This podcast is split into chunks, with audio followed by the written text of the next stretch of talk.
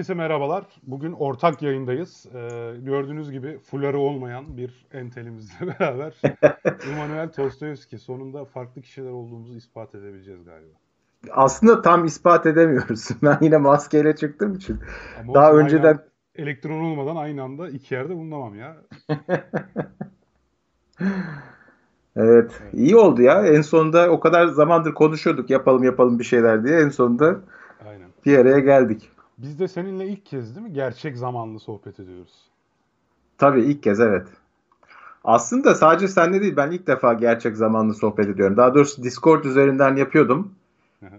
son birkaç aydır ama YouTube'a canlı böyle ilk defa. Hatta şu maskeyi ilk defa kullanıyorum. Hadi ya. Peki bu yayın Evet. mi aldın yoksa evde böyle durumlar için bir acil durumda kırdığın dolaptan mı çıkıyor? Ee, bu kız arkadaşım e, bunu takmazsan benimle sevişmeyi reddediyor. O yüzden aldım. O zaman acil durumda camı kırıp almıyorsun zaten. Başucunda duruyor galiba. Yok yok. Ya bunu aslında bana ekşi sözlüktekiler aldılar. Galiba bir e, ne içindi? Birkaç ay önce bu yaş günü için 21. yaş günü için galiba ekşinin röportaj yapmışlardı. O da hala çıkmadı ortaya. E, ne oldu ona bilmiyorum akıbetini. Onun için bana almışlardı bunu ama onu bir taktık. Aa, benim gözlüklerim buğulanıyor, sesim gelmiyor. Şu ağzı tamamen kapalıydı. Aa, Onu sen, ben demin- Sen gözlük takıyorsun normalde. evet tabii Bayağı canım. maskenin üzerine o maskenin bir parçası değil yani. O senin kendi Yok yok. Bu benim normal gözlüğüm. Çok iyi ya valla gerçekten. Bu arada evet yani e, Emi yani arkadaşımızı ben de hiç görmedim. O yüzden yüzünü bilmiyorum.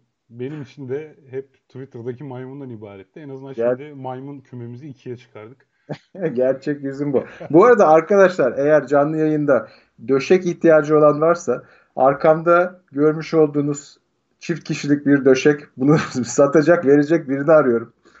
İhtiyacı Ha, ben- olan varsa vereyim. Ben evini postmodern döşediğini zannetmiştim. Yok. Kurtulamadığım Duvarda, duvarda döşek diye bir e, enstalasyon yaptığını düşünmüştüm. Ya şimdi bir kütüphanenin önüne geçsem atıyorum böyle arkamda 1500 tane kitap. O zaman da şey diyecekler ya entel mental diye bilerek yaptı diyecekler. Zaten yok da öyle bir kitaplığım. Arkaya en, en dedim en halk tipi ne olabilir? Döşek var. Tamam döşek koyayım. Böyle en fularsız şey. satılığa da çıkardın yani büyük bir kitleye görsel olarak. Evet. Benim arkamda ne var? Benim arkamda benim arkamda ayna var. Yani artık evli bir insan olduğum için duvarlarım daha farklı şeylerle süslü. Yani şuradan devam eden bir kitaplığım var ama o- onun ucunu görüyoruz. Şurada stoklanmış sigaralarım var. Yani kitaptan önde geliyor yani maalesef. Tabii. Daha önemli.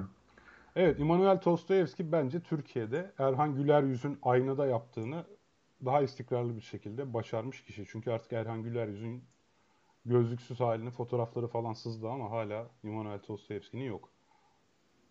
Değil mi? Yani hiçbir şekilde hiçbir yerde fotoğrafın çıkmadı yani. Deşifre olmadı. Olmadım ama şöyle yani benim kim olduğumu bilenler var. Ee, zamanında arayıp bulanlar da var. Şimdi onları gaza getirmeyelim. Yani şey demek istemiyorum. Kimse beni hayatta bulamaz falan demek istemiyorum. 5 dakikada çat diye koyarlar videom bütün hayatımı. Ee, ama onlar efendi davrandılar. Yani buldum işte söylemeyeceğim dediler ve o kadar. Başka da bir şey yoktu. Ondan sonra gerçek hayat demek komik oluyor ama hani gerçek hayattan da tanıdıklarım var.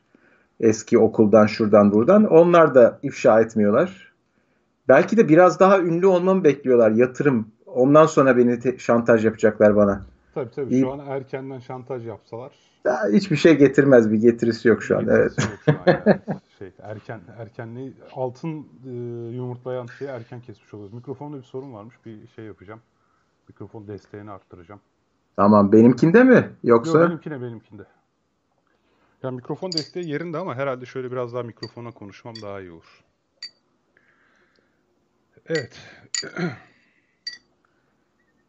Evet abi ne konuşalım bugün seninle? Ya seninle şöyle bir durum var gerçekten. Hani seninle tanışmadan evvel hani ben hangi konularla ilgileniyorsam, okuyorsam ve yazmaya çalışıyorsam sonra senin de benzer konularla ilgilendiğini ve çoğunda çok iyi yazdığını gördüm. Gördüğüm zaman zaten takipleşmeye başladık. Sonra muhabbet ettik vesaire. Bir iki dergi yazısı muhabbetimiz oldu.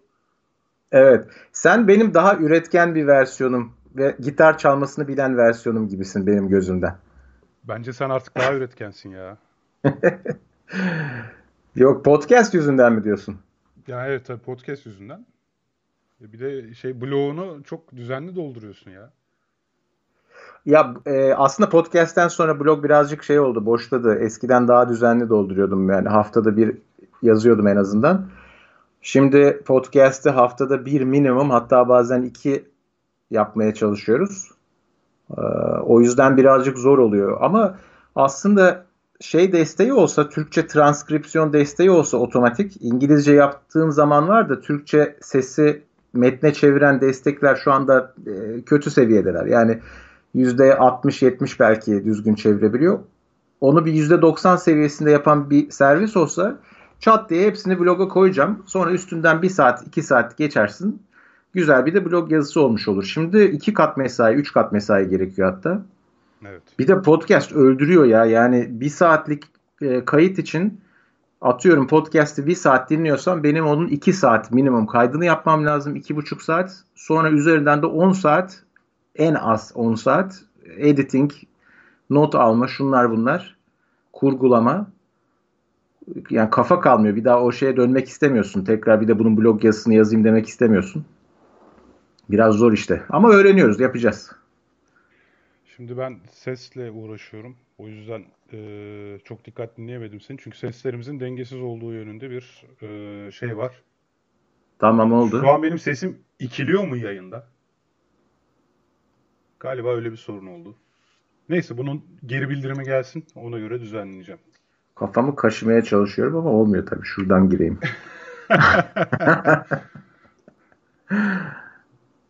Benim sesim ikilemiyorsa. Bu arada senin podcast'inde e, kurgu var. Yani sen araya müzikler koyuyorsun.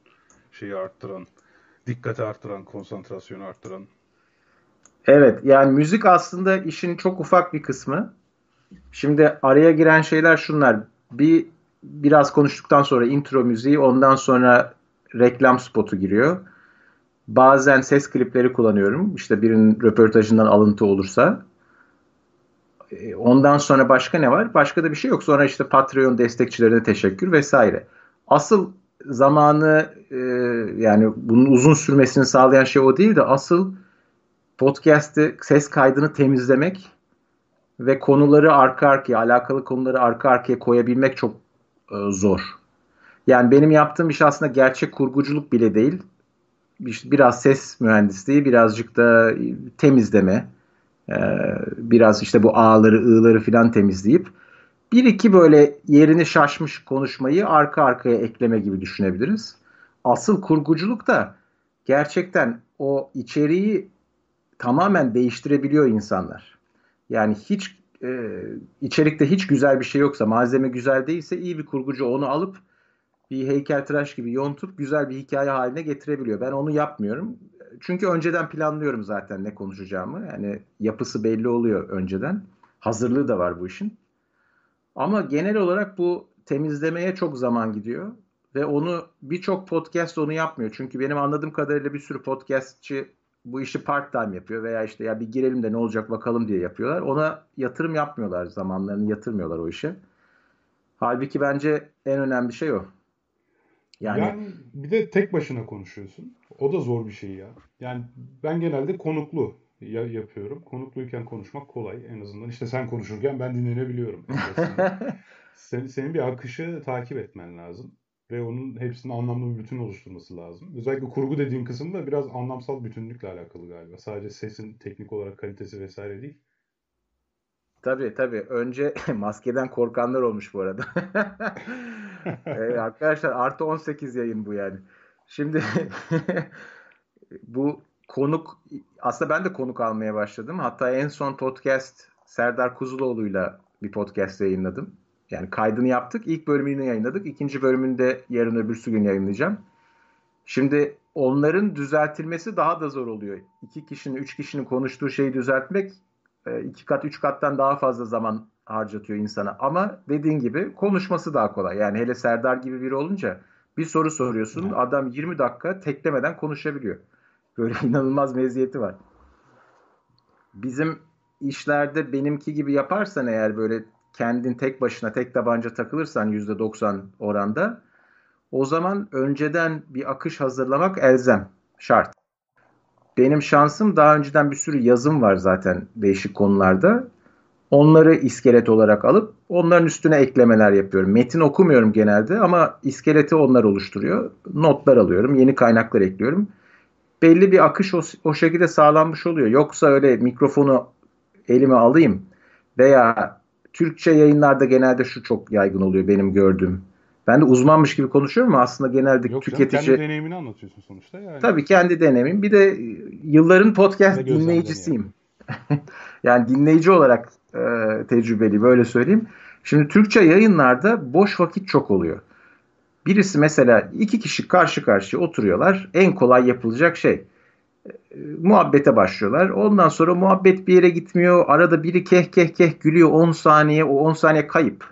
Ondan sonra biri ee, şimdi ne yapacağız filan diyor. Şimdi birinin bunları alıp kesmesi lazım. Veya hani muhabbet programı ise tabii ki kesmezsin ama daha içeriye yönelik bir programsa bunları kesip biçip böyle 20 dakikaya işte şu kadardan şöyle 10 dakikaya 20 dakikaya e, konsantre bir hale getirmen lazım. Onunla uğraşmak zor. Yabancı yapımlarda bunu çok iyi yapıyorlar. Yabancı yapımlarda 20 dakika podcast dinliyorsan yani 18 dakikası dolu içerik. 2 dakikası geyik oluyor belki. Introydu şuydu evet, buydu. Evet. Bizim bizde periyodik yapmaya çalışanlar özellikle konuşacak şey bulamadıkları bulamadan bir araya geldikleri için diye düşünüyorum ben. Yani bizim muhabbet teorisini o yüzden periyodik değil. Yani 3 haftada bir yapıyoruz ama buluştuğumuz zaman Hı-hı. da konuşuyoruz yani biraz da ondan. Ya şimdi insanlar bunlara geçin diyor. Tabii herkes şimdi korona, korona sonrası dünya, işte Öyle komplo teorileri ve benzeri gibi işte simülasyon, yapay zeka yani bizim müşterek konularımız hakkında bir şeyler duymak istiyorlar. Sen araya gir bu arada. Ben çok uzatırsam çat diye kes. Ayıp mayıp değil nasıl olsa. Ya yok ya muhabbet ediyorsun sonuçta. Normalde muhabbet etsek de sözünü keserdim ben. O yüzden burada da ondan şey değilsin, muaf değilsin. Evet tamam. abi şimdi e, birincisi bu ben 5G mevzuna taktım. Bugün de birkaç tweet attım. Yani bu e, şimdi şeyi bir kenara bırakıyorum. Orada zaten bir e, şey sıkıntısı var. Yani 5G'nin virüsü tetiklemesi ile hani 5G'nin uzun vadede insanlar için bir sağlık problemi yaratıp yaratmayacağı gibi iki konu birbirinden ayrıl ayrılamıyor. Mesela çünkü ben bugün 5G'nin virüsü tetiklemesiyle ilgili bir tweet attığım zaman ne yani 5G sağlıklı mı diyorsun tarzında. Müthiş, Çok sağlıklı. Müthiş safsatalar geldi. Yerine, kelle paça 5G bak size sağlıklı olmanın formülü. Evet. Yani bu nedir nedir bu insanlar şu an değil mi muhtemelen bütün bu yaşadıklarını açıklayabilecek tek bir sebep ve dolayısıyla bütün bu yaşadıklarının semeresini yükleyebilecekleri tek bir düşman arıyorlar diye düşünüyorum ben. Sen ne düşünüyorsun? Benzer şeyler düşünüyorum. Yani tek biri olmasa da e, birkaç tane anlaması kolay şey olması önemli. Yani illa bir tane olmasına gerek yok ama hap gibi anlaması kolay bir şey olursa bence insanlara çekici geliyor. Bu aslında 5G özelinde bu arada benim bu komplolar hakkındaki herhalde tek yetkin olabileceğim konu bu. Çünkü telekom mühendisiyim Aa, süper. eğitim olarak. Yani hatta e, şeylerde zamanında neydi o Arya mıydı ya bir GSM şebekesi vardı Türkiye'de. Ee, onda çal- o işte şey oldu. Türk Telekom'a geçti gibi bir şey oldu öyle. Hatırlamıyorum çok bayağı 20 Avea sene mı? önceden. Avea'dan önceydi galiba. Arya'ydı Arya, bu. Arya. Neyse onların ben baz istasyonlarını e, yani o zaman tabii tecrübeli değildim de daha tecrübeli abilerimizle beraber İstanbul'da baz istasyonlarını kuruyorduk. Veya kurulu olanların ayarını yapıyorduk. Okulda gördüğüm şeyler de ona benzer şeylerdi. Yani bu elektromanyetizma, sinyal, şunlar bunlar onları hakkında iyi eğitimim var. Şimdi o yüzden şöyle bir tespit yapayım. İnsanlar aslında her gün kullandıkları bir sürü şeyin nasıl çalıştığını bilmiyorlar. Ben elektromanyetizmanın nasıl gerçekten işlediğini bak üniversitede bile değil master yaparken öğrendim. Yani lisans 4 sene boyunca okudum. Telekom yine ağırlıklı. E, elektronik mühendisliği. Ve onda bile tam anlamadım olayı. Ta master yaparken kafama dank etti. Şimdi sokaktan geçen insan, sokaktan geçen de demiyorum. Herkesin işi gücü var sonuçta ama işi gücü başka olan insanların bunları anlamasına zaten e, imkan yok demeyeyim. Çok kolay aslında bu yeni öğretim teknikleriyle ama kimse zaman harcamıyor. O yüzden onlar için bu 5G, 4G böyle mistik bir şey. İşte çalışıyor bir şekilde. İçimizden o, dalgalar gelip geçecek falan gibi bir boyutta. Evet o yüzden de senin dediğin gibi bu iki farklı konuyu birbirine karıştırmak çok kolay. Yani virüsle, kanserle, ondan sonra işte bu dalgayla, şunda bununla hepsini bir karman çorman yapıp bir komplo teorisi üretmeleri çok kolay.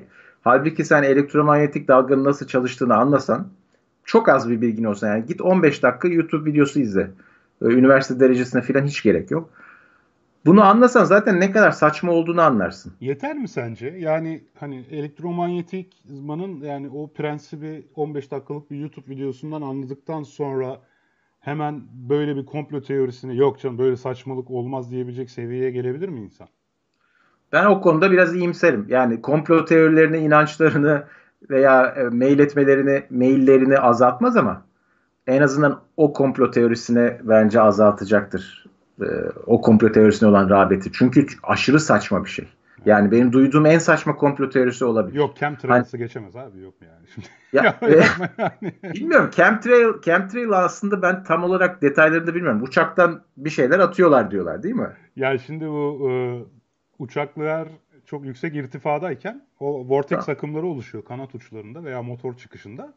O vortex akımı basıncı aşırı düşürdüğü için o havadaki su molekülleri donup arkada hani bir çizgi bırakıyor. Hatta çok romantik bir görüntüdür hani baktığın zaman.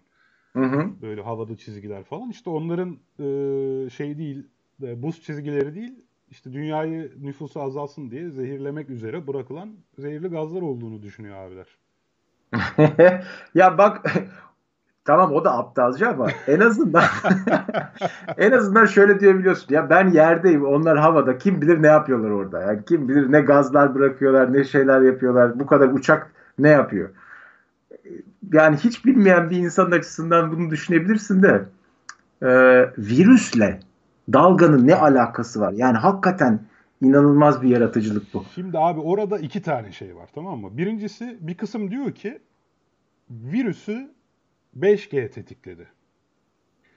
Bir tanesi de diyor ki hayır bu yaşananlar 5G'nin sonucu bunu bize Hı. virüs diye yutturuyorlar. Aslında virüs yok ortada diyor. Yani bu ikincisi saçmalıkta diğerinin karesi.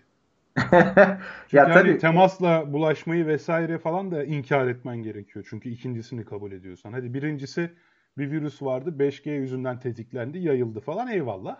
Ama bu ikincisi ikincisi direkt IQ separatörü yani böyle ya bu şimdi bununla dalga geçmemiz çok kolay tabii. Yani sabaha kadar bunları e, ayar verip dururuz.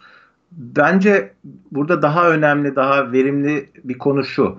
Şimdi bu ikinci dediğin alternatifteki e, bir ön kabul şu. Herkes bize yalan söylüyor. Yani teknik olarak e, dalgayla işte bu elektromanyetik dalgaların sende yarattığı semptomlar falan onları geçiyorum. Hani bu arada merak eden varsa şöyle oluyor bu işler. Bu dalgalar hakikaten yeterince yakınlarsa sana bu dalganın kaynağı sende ısınmaya yol açarak bir takım bozukluklar, dokularda bozukluklara yol açabiliyorlar. Ama o e, menzilin dışındaysan, yani o kadar dibinde durmuyorsan ve saatlerce durmuyorsan, ısınmanın etkisi geçtiği sürece o dalgalar kalkıp da senin e, DNA'nın filan böyle röntgen ışını gibi delip geçemiyorlar veya gama ışını gibi.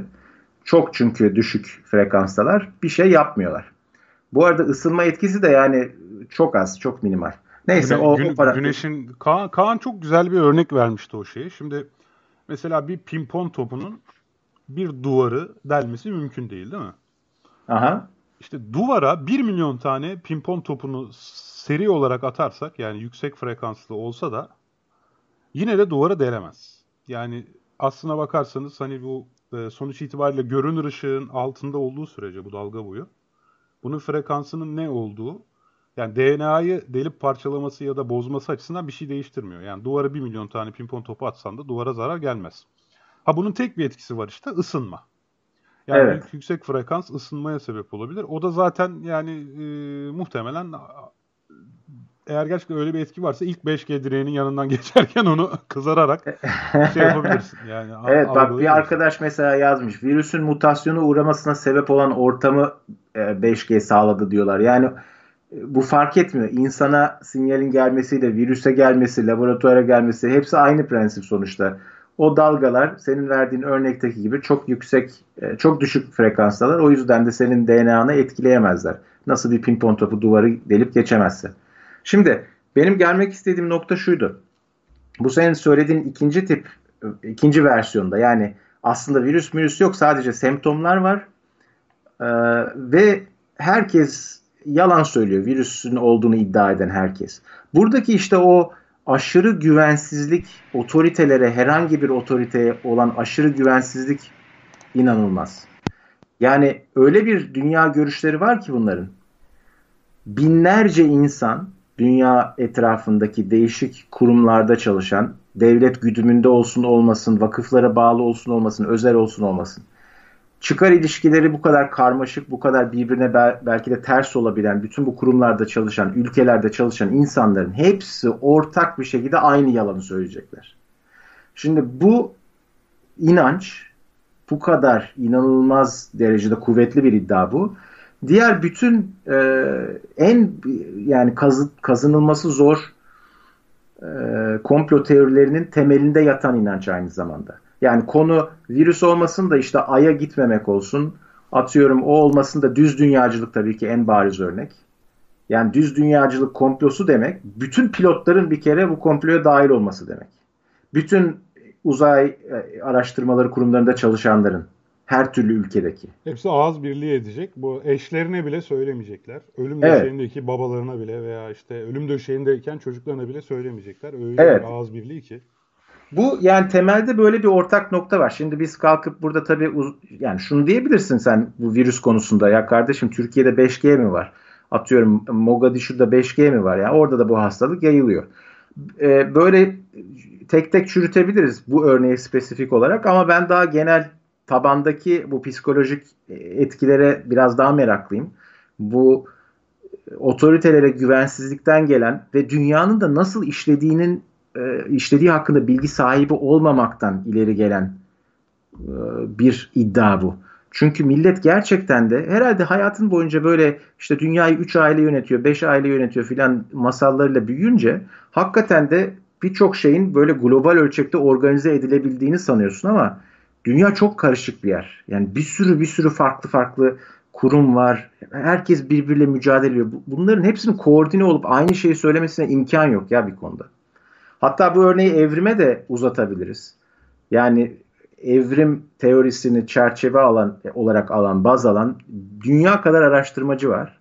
Şimdi sen Adnan Oktar gibi birinin her, herhangi bir ülkede olabilir bu. Onun muadili birine inanıyorsan bu şu demek. Bunların hepsi yalan dolan işlerle uğraşıyor ve hepsi her gün bize yalan söylüyor. Evet, bütün biyologlar zaten mezun olurken yemin ediyorlar bu şeyi bozmayacağız.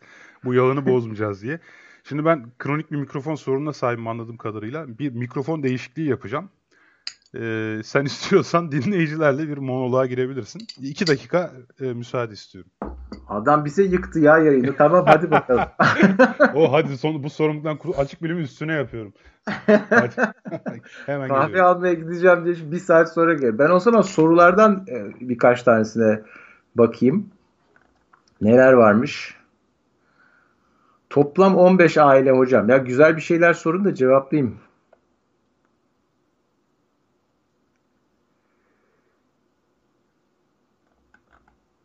Evet. Hiçbir şey okuyamıyorum şu anda. Ha birisi yazmış mesela malumat furuş 1347'deki vebada hangi dalga gelmiş açıklar mısın diyor. Ya işte bu da ilginç yani sürekli web şeyler oluyor salgınlar oluyor zaten. Öyle 1347'de falan değil de değil yani 10 sene önce 10 seneden de erken bir sürü salgınlar oluyor.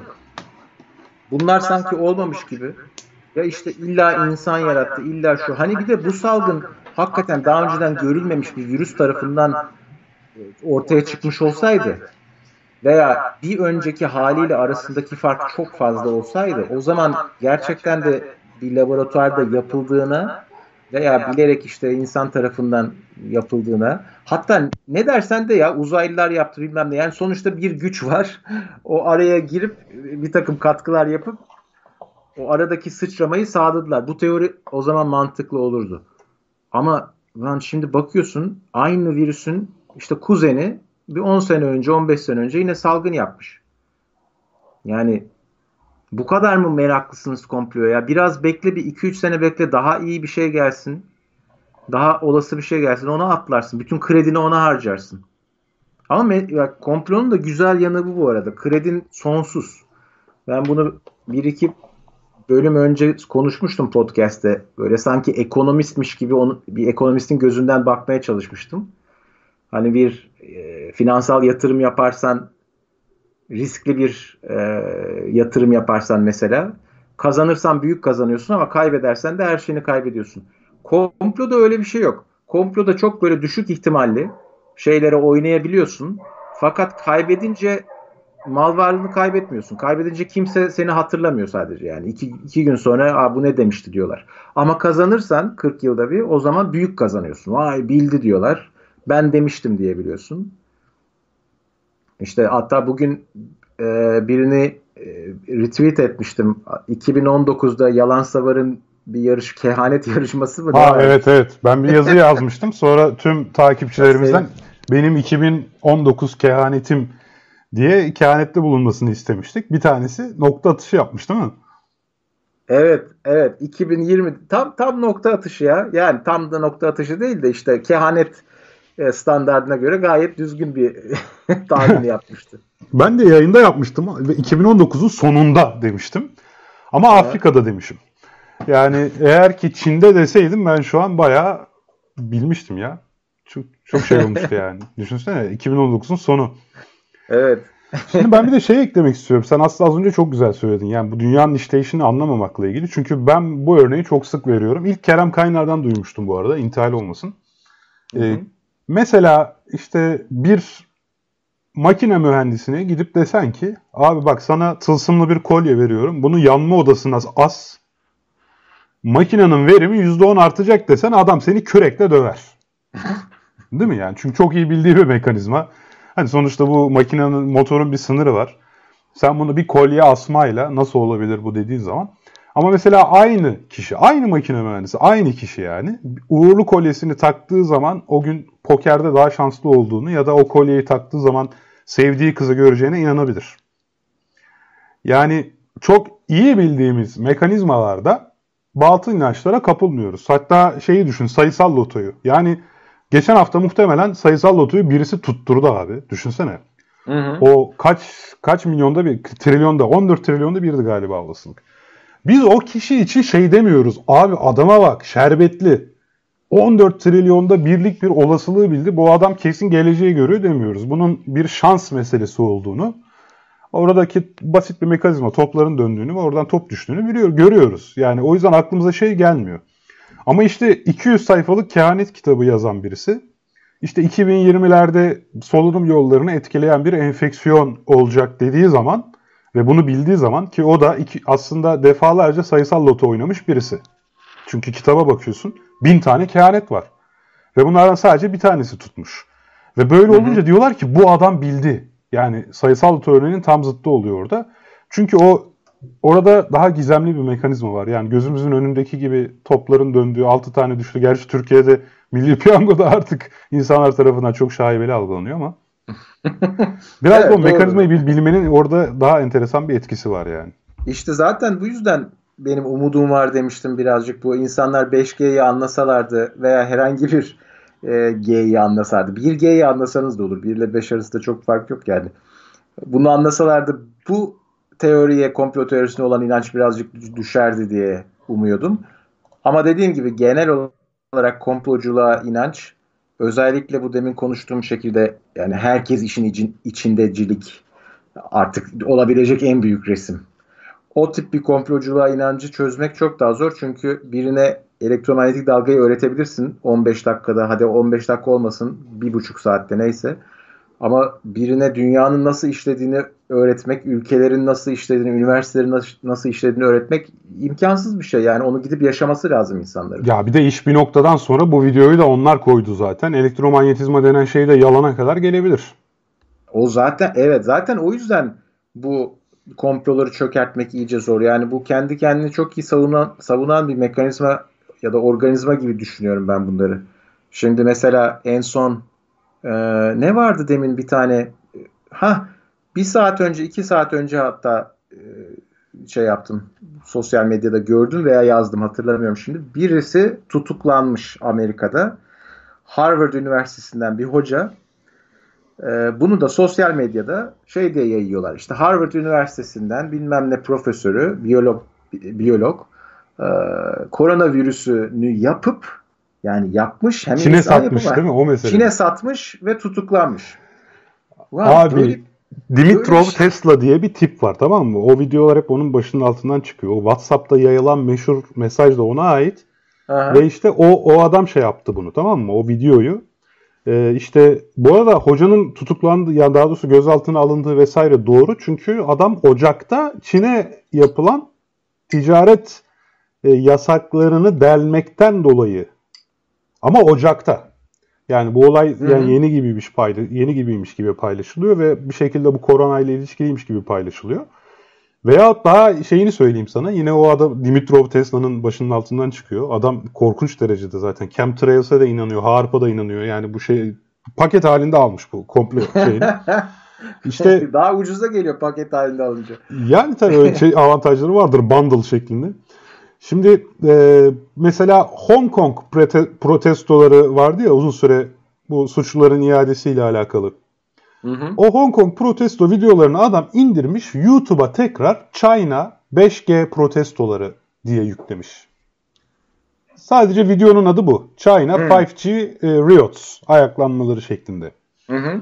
Ve mesela bu e, YouTube'da dolaşıma girmiş. Tamam mı? İşte Wuhan'da insanlar 5G'yi protesto ediyordu. Ya videoyu açsan zaten 40. saniyede o işte e, BBC'nin e, yazı karakteri var ya BBC'nin yazı karakteriyle işte Hong Kong'da şöyle oldu. Bunun üzerine öğrenciler ayaklandı falan yazıyor zaten. Yani o WhatsApp'ta o videoyu yayanların hiçbirisi videoya girip izlememişler. ya o çünkü orada önemli olan bir bilgiyi alıp da öğrenip onu yaymak değil. Onun verdiği mesajı daha doğrusu o başlığın mesajını insanlara yayıp ha bakın ben de bu gruptanım. Yani neler olup bittiğini bilenler grubundanım. İşte bunu bir şey diye düşünebiliriz. İç grup yani İngilizce'de in group deniyor da buna Türkçe'de evet, evet. bir şey yok. İç grup diyelim biz. Yani bu iç, iç çember diyelim hatta. Çemberin içindeyiz. Onu sinyalliyorsun. Sen hala enayi gibi medyada olanlara mı inanıyorsun sinyali o? Bir de mentörlük yani, tabii yani bak hani ben senden daha bilen bir pozisyondayım. Hani bu, bu perdenin arkasını ben görebiliyorum. Bak hadi sana da gösteriyorum. Hadi sana da kıyam olsun. Evet evet ve o perdeler bitmiyor. Yani o perdeyi de inansan o komplo inananlar içinde de bir hiyerarşi oluyor. Bir başka perde, onun arkasında da bu var, onun arkasında da bu var diyen daha da yüksek bir statüye geliyor. Bir bu şey ezoterizme şey... benziyor o zaman zaten. evet, evet. Yani o sonuçta bu herhangi bir grupta komploya o komploya inananlar olur, genel olarak komplocular olur veya bir din olur veya e, herhangi bir seküler grup da olabilir. Bir iktidar mücadelesi kendi kendine oluşur. O iktidar mücadelesi için de yani statü elde etmek, güç elde etmek, para elde etmek veya hepsi birden bu mücadelenin içinde de gatekeeper olma isteği var. Yani e, kim erişim sağlayacak? Sen bu gruptansın veya değilsin diyen veya daha yukarı çıkabilirsin yok sen aşağıda kal diyen böyle kilit noktada, kilit pozisyonda insanlar oluyor. İşte o insan olabilmek için komploculukta saçma sapan şeylere inanman, diğer komploculardan da daha iddialı olman lazım. Ama öte yandan atıyorum e, bir bir bilim enstitüsünde, bir üniversitede o konuma erişmen için ya çok fazla paper yazmış olman lazım, makale yazmış olman lazım ya çok eskiden beri orada olman lazım. Yani biraz daha normal şeyler yaparak o statüye ulaşıyorsun bu komplocuların iktidar gruplarında e, çevrelerinde çok saçma sapan hareketler yaparak o statüye ulaşıyorsun. Dolayısıyla öyle bir teşvik sistemi var. Saçmalamaya teşvik ediyor seni. Evet. Yani olaylar kelimeler arasındaki gizli bağlantıları keşfederek bile basamakları hızla yükselebilirsin. Hatta Adorno'nun söylediklerine geliyoruz aslında. Adorno 50'lerde sözde bilimler için yazıyor bunu ama gayet senin söylediğin o komplo çemberi içinde uyarlanabilir. Yani aslında bunlar işte zorlu bilimsel eğitim alma imkanı bulamamış. Ya da bunu zor sunduğu için, zor geldiği için zaten reddetmiş. Ama aynı itibar seviyesine çok daha kısa yoldan ulaşmak istemenin bir sonucu gibi görünüyor. Hı hı. Evet. Yani evet. ve ama tabii bunu sadece bu arzuyla değil de hani belki işin arka planında bazı işte psikotik durumlar da olabilir. Çünkü normal kişilik kişiler gibi gelmiyor bana. Bir de aslında ben bu Başkent Üniversitesi'nde düz dünyacılıkla ilgili bir bilimsel şüphecilik sempozyumunda sunum yapacaktım. Düz dünyacılığın çok fazlasıyla içine girmek zorunda kaldım. Aslında düz dünyacılığın başlangıcı gerçekten masum. Yani masum derken hmm. insanlar 1800'lerde yani biraz da o İncil'deki anlatımlardan ötürü astronominin bulgularına karşı çıkmak istiyor ama bunu gerçekten deney ve gözlemle yapıyorlar. Yani İngiltere'de bir kanalda işte atmosferik e, kırılım henüz tam iyi algılanmadığı için, anlaşılmadığı için hani gerçekten orada gözlem yapıyorlar. Gerçekten suyun çok e, yüzeyinden ileriye baktığın zaman çok uzaklara görebildiklerini fark ediyorlar. Dünyanın küresel yapısıyla tutarsız olacak biçimde. Ve insanlar as yani astronominin bulgularına bu yüzden karşı çıkıyor. Biraz da arkasında dini motivasyon var tabii. Yani astronomi İncil'i yalanlıyor gibi. Çıkış noktası çok normal. Ama işte e, daha sonra at, bunun atmosferik ret, e, refraksiyondan kaynaklandığı vesaire çok iyi bir şekilde hatta o sıralarda Husserl'lı galiba yani şey o zamanki bilim insanlarından bir tanesi iddiaya giriyor vesaire bunun böyle olmadığını gösteriyor. E, şimdi o, o zamanki dini motivasyonu olanı anlıyorum ama 70'lerden sonra bu düz dünyacılık sekülerleşmek zorunda kalıyor. Sekülerleşmek zorunda kalınca aslında elde şey bir motivasyon da kalmıyor. Hani dini bir motivasyon. Hani bu Tanrı'nın imtihanıdır. Dolayısıyla işte Tanrı böyle söylüyor ama sizin e, inanmamanız için, doğru yoldan sapmanız için bilim insanları bir şeyler buluyor olabilir. Onlar şeytanla işbirliği yapıyor zaten vesaire. Yani bunu gene de anlayabiliyorum. Çünkü bu e, aşırı radikal dini bakış açısıyla uyumlu. Ama sekülerleşince karşına mutlaka bir düşman koyman gerekiyor tamam mı? Ya yani bir evil'a yine ihtiyacın var. E o zaman Hı-hı. işte dünya düz. Bunu kim bizden saklamak istiyor? E bunu NASA bizden saklamak istiyor. Peki niye NASA sizden saklamak istiyor? E çünkü e, aslında gerçekleri bilelim istemiyorlar. E niye gerçekleri bile, bil istemiyorlar? Ya işte çünkü işte sadece e, Antarktika'nın arkasına da ne olduğunu onlar bilmek istiyorlar. Başka ülkeler uzay çalışması yapmasını istiyorlar vesaire diye. İş saçmalamaya gidiyor. Çünkü burada senin de kitabın yani ansiklopedinde yer vereceğin üzere ad hoc devreye giriyor. Yani ortaya mantıksız bir şey atıyorsun. Bunu kurtarmak için daha mantıksız bir şey atmak zorundasın. Onu da kurtarmak için daha mantıksız bir şey atmak zorundasın. Mantık ıraksamaya başlıyor. Ve burada ıraksayan mantığa yani sen bu aptalla özellikle sosyal medyada devreye girdiği zaman ve sen bununla ilgili o an sana çok mantıklı gelen o dünyanın en aptalca argümanını tweet atıyorsun tamam mı? bu bir yatırım. Artık sen kişiliğini kumar oynadın tamam mı? Sen kişiliğini bu yazdığın saçma sapan inancın üzerine koydun. E tabi insanlar sana tepki verdi. O tepkileri e, savabilmek için daha da aptalca bir tweet attın. Artık sen bunu esirisin zaten. Yani hiçbir evet. noktada ben geri zekalıyım, aptalım diyemeyeceğine göre artık sen bunun esirisin. Senin işte ben az önce senin o iyimser olduğun noktada o yüzden karamsarım.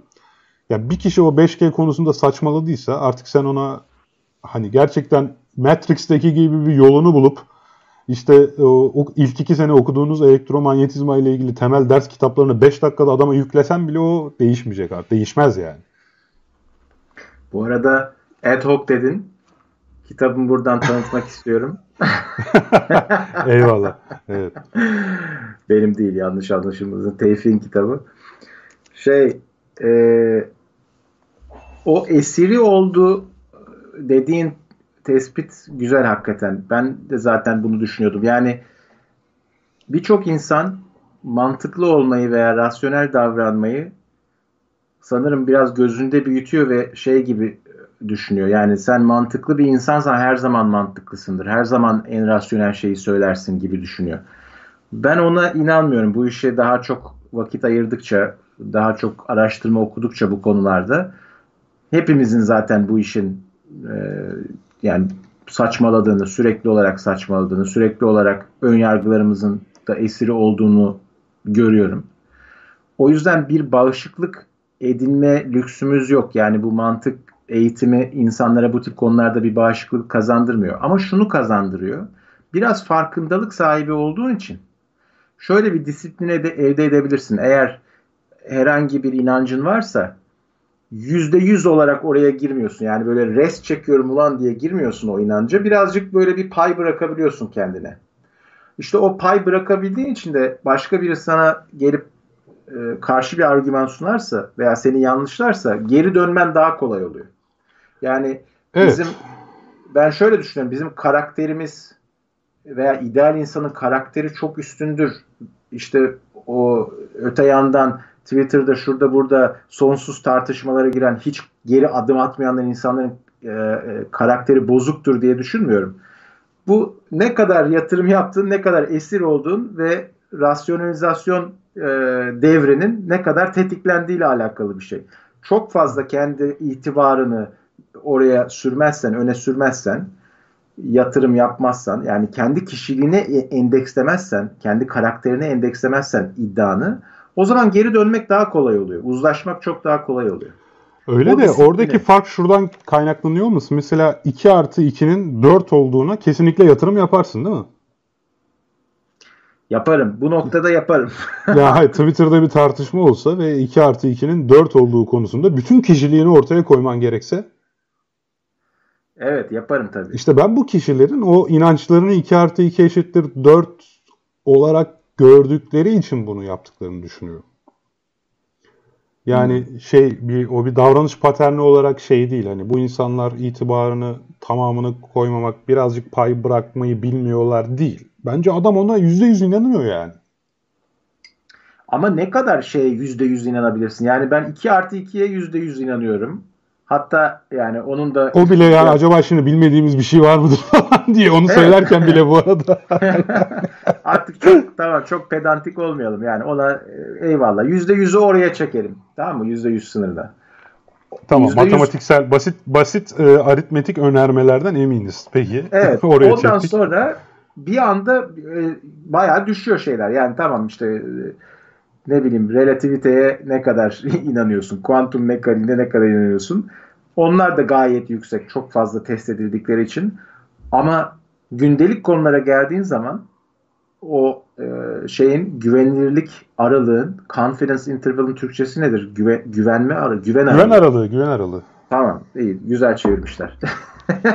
Tebrik ediyorum arkadaşlar. Güven aralığı e, baya bir baya azalıyor. Yani ben kalkıp da %90 güvenle şunu söyleyebilirim dediğim şeyler dediğim şeyler kümesi epey ufak. Bunun da farkındalığı var. Yani aslında şurada konuyu şöyle güzel bir yere getireyim. Benim için güzel bir yere. Biz normalde iletişim halindeyken sosyal medya olsun olmasın birebir iletişimde de e, sadece tek e, tek değişkenli denklem gibi düşünüyorum ben bunu. Sadece tek bir veri veriyoruz. O da neye inandığımız veya neyi savunduğumuz. Ama bir iddia yaptıktan sonra onu e, ikinci bir veriyle desteklemiyoruz. O ikinci veri de şu olmalı. O iddiaya ben ne kadar güveniyorum, ne kadar eminim. Bu konuşma dilimizde yok. Şimdi sen bir program tasarladığın zaman e, veya bir istatistik modeli tasarladığın zaman o sonucuna e, vardığın sonuca şey de ekleyebiliyorsun. Güven aralığı da ekleyebiliyorsun ve o zaten asıl önemlisi. Ama bizim konuşma dilimizde böyle bir şey yok. Ne yazık ki. Yani çok kasman lazım. Çok böyle lafı dolandırman lazım. Ancak o zaman anlaşılır. Yani düşünme tarzımızda da yok aslında. Yani yok, şey, evet. alışkanlık edinmediysen eğer eleştirel düşünmeyi. Evet. Zaten şey de çözünürlülük de, e, dilimizdeki çözünürlülük de nasıl bir kelime bu ya? Çözünürlülük çok e, düşük. Şöyle diyorsun Kesin öyledir abi. Ya herhalde öyledir. Yüksek ihtimalle öyledir de var ya. Yani ne bileyim. Yüksek, yüksek ihtimalle öyledir. Kuvvetle muhtemel. İşte herhalde belki. Ondan sonrası da yok zaten. Ondan sonrası da bir anda şeye gidiyor. Kesin öyle değildir. Ya hayatta olmaz. Bu kadar yani. Bunların arasında bir şey yok. Bazen bunlar bile yok. Evet veya ya. hayır var. Siyah veya beyaz var. Hatta galiba eminim diye bir şey var ya. yani, galiba eminim. ya böyle olmadığı için de bu aralar olmadığı için de hep siyah beyaza yönlendiğimiz için de o insanların bu kadar tartışmalı konuları 2 artı 2 seviyesine çekmeleri doğal. Yani daha doğrusu şöyle söyleyeyim 2 artı 2 seviyesine çekmeleri bir semptom aslında. İnsan zaten bir sürü şeyi siyah veya beyaza doğru e, yönlendirmeye meyilli. Öyle düşünüyorum ben. Evet. Yani e, hatta geçenlerde bir bir yerde başıma geldi. Ve yine böyle başka bir canlı yayında bir söz sarf etmiştim. Aşağıya ağır bir yorum gelmiş. Ee, o ağır yorum da şu. Yani sonuçta bu virüs ya insan yapımıdır ya değildir. Yani %50 olasılık. Niye insan yapımıdır diyenlere bu kadar haksız görüyorsunuz? Şimdi bu seman, semantik olarak yani şey bu bir bölü seçenek sayısı şeklinde bir olasılık belirleme e, problemi var. Yani iki seçeneğimiz var değil mi şu an? Yani ya ya az sonra ay dünyaya çarpar ve hepimiz yok oluruz ya da böyle olmaz yani. Sonuçta olasılık %50 yani, diyebileceğimiz ya şekilde. kazanacağım ya kazanmayacağım. %50 ise girelim o zaman piyangoya. Evet, değil mi? O zaman hepsi hatta bir, bir, seferde 100 kupon oyna ki 50'si tutsun. yani, işte bu e, bak gerçekten şöyle bir şey. Şu an burada eleş, eleştirdiğimiz davranış stilleri var ya. Yani hepsi hepimizin zaten doğalı.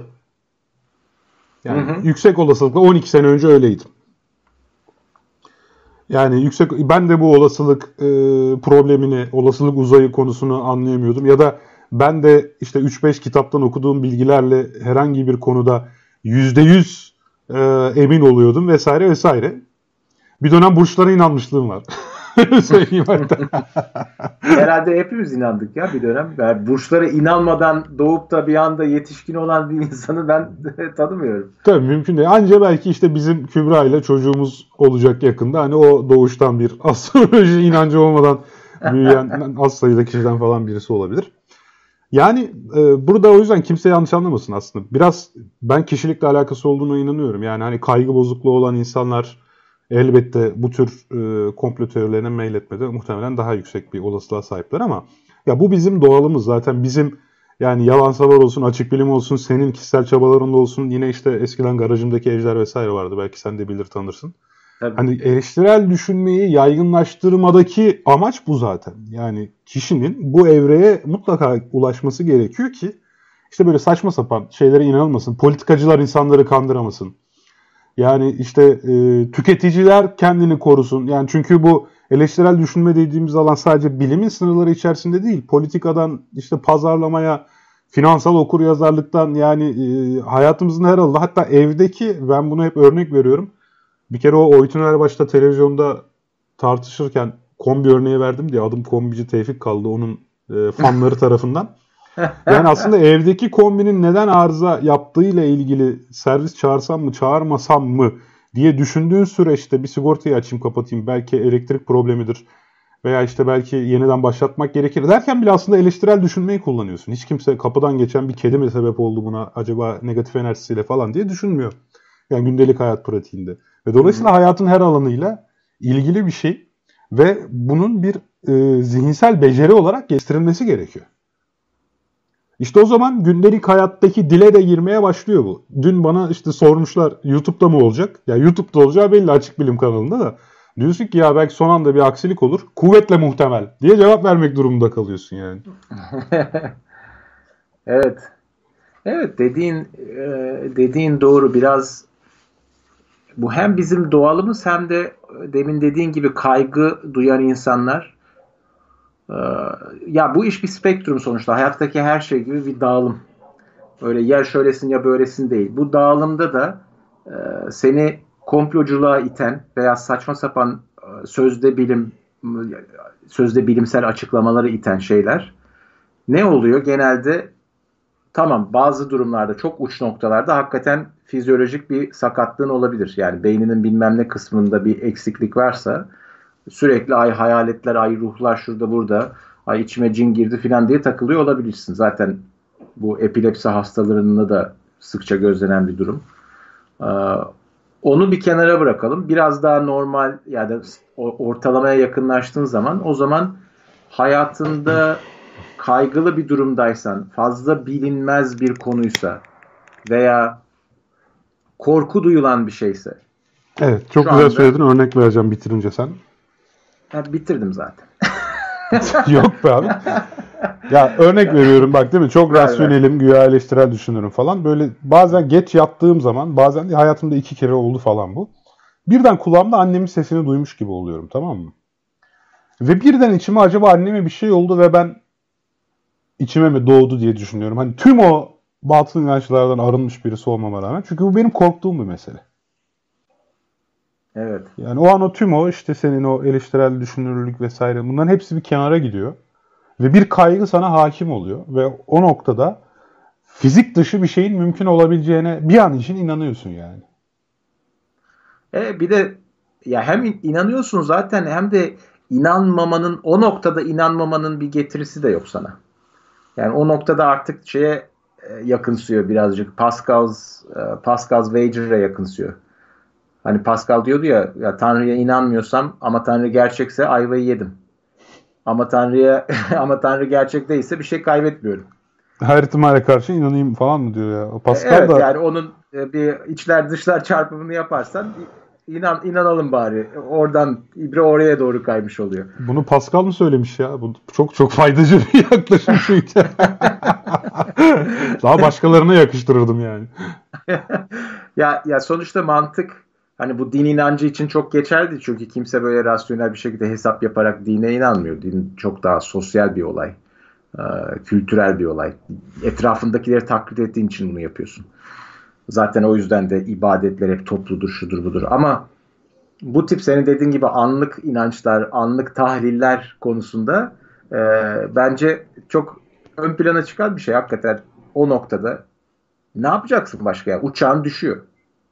E, ne yapacaksın? Ben her türlü bildiğim her türlü Tanrı'ya dua ederim yani o noktada. ya tutarsa diye. Ya, ya Ve bu yani bu da bak e, şakasına diyorum tabii de ya şunu şakasına diyorum. Bunu rasyonel olarak düşünerek demem. Gerçekten korktuğum için içgüdüsel olarak derim bunu. Tabii tabii. O, o, o an o an öyle olur yani. Evet. E sonuçta biz de birer maymunuz yani gördüğün gibi. Öyle Skype'ın Skype'ı şunu bunu icat ettik ama eninde sonunda ölüm korkusu çok baskın bir şey. E, ve çaresizlik, bilinmezlik, kaygı bunların hepsi birbirini tetikliyor. Ondan sonra da böyle bir şey inanıyorsun, inanmak istiyorsun. Evet. Yani. Şimdi bununla ilgili mesela enteresan deneyler var. Ee, bu yani iki grup arasında bir grubun stresi özellikle arttırılıyor. Yani işte az sonra bir sunum yapacakları topluluk önünde ve bunun YouTube'da yayınlanacağı söyleniyor bir gruba. Bir gruba da ya bir essay yazacaksınız ama yani okunur mu okunmaz mı bilmiyoruz falan deniyor. Hı-hı. Ve hani streslerin arttığı da fizyolojik olarak da işte deri altı iletkenliği vesaire falan kesin. Yani deney güzel tasarlanmış. Ve bu kişilere işte mesela Londra'da kapkaça uğrama olasılıkları falan soruluyor girmeden önce. Yani bu e, stresli duruma girmeden önce. Sonra strese sokulduktan sonra her iki gruba da işte aslında sizin kapkaça uğrama olasılığınız Londra sokaklarında şudur vesaire diye bil, gerçek bilgiler veriliyor. Ger yani gerçek ya da uydurma orasını tam hatırlamıyorum da. Bazı istatistikler veriliyor. Stres durumu yüksek olanlar eğer kendilerine verilen olasılık kendi tahminlerinden yüksekse yani çok daha kötü bir haberse kendilerine verilen fikirlerini hemen değiştiriyorlar. Ama strese girmeyenler yok ya o kadar değildir diyerek daha özgüvenli oluyorlar. Yani e, iyi, iyi haberlerde bu olmuyor. Mesela sen kapkaçı %40 tahmin ettiysen ama sana %12 dendiyse çıkışta tekrar sorulduğu zaman %40'tan o kadar ayrılmıyorsun. Hmm. Fakat sen %40 tahmin etmişsen sana %80 denmişse ve sen o stresli gruptaysan çıktığında 40'tan bayağı uzaklaşıp 80'e yaklaşıyorsun. Yani buradan bu deneyi yapanlar şu sonuca ulaşıyor. İnsanlar stres, kaygı ve şey altındayken yani kaygı duygularına sahipken stres altındayken kötü haberlerden hızla etkileniyorlar. Kötü haberleri hızla kabul etme eğiliminde oluyorlar. Riskleri olduğundan daha yüksek görüyorlar. Hatta aynı deneyi itfaiyede yapıyorlar. Yani normal bir zamanda sorulan soruları tam şehirde bir yangın olduğu, itfaiyenin bir bölüğünün yangın söndürmeye gittiği, kalanların haber beklediği sırada yapıyorlar. Aynı bulgulara ulaşıyorlar. İşte özellikle bu şey ortamlar, yani şu anki aşırı belirsizlik olan ortamları ya da işte uçak düşmesi dediğin artık uç, daha daha yüksek bir durum yok. Yani o gibi o, o gibi ortamlarda yani e, o panik altında sadece inanmadığın batıl inançlara inanma şeklinde değil, artık çevredeki her veriyi olumsuz veriyi özellikle kabul etme eğiliminde onun hani kaygının doğru olduğu yönünde, gerçekten etrafta bir tehlike olduğu yönünde sorgulamadan kabul ettiğini gösteriyor. İşte bu sebeple zaten işte tam mesela şu an depremle ilgili bazı komplo teorilerinden, tehlikelerden falan bahseden yok. Şu anki gündemimiz korona. İşte o yüzden 5G ile ilgili çok hızlı bir şekilde WhatsApp gruplarında yayılıyor ve insanlar da zaten kaygı altındalar. Kendilerine daha kötü bir bilgi veriliyor. Yakında zaten hepimiz öleceğiz 5G vesaire falan filan derken bunu hemen kabul etme eğiliminde oluyorlar. Eleştirel düşünme becerilerimizi kaybediyoruz yani kaygı altındayken.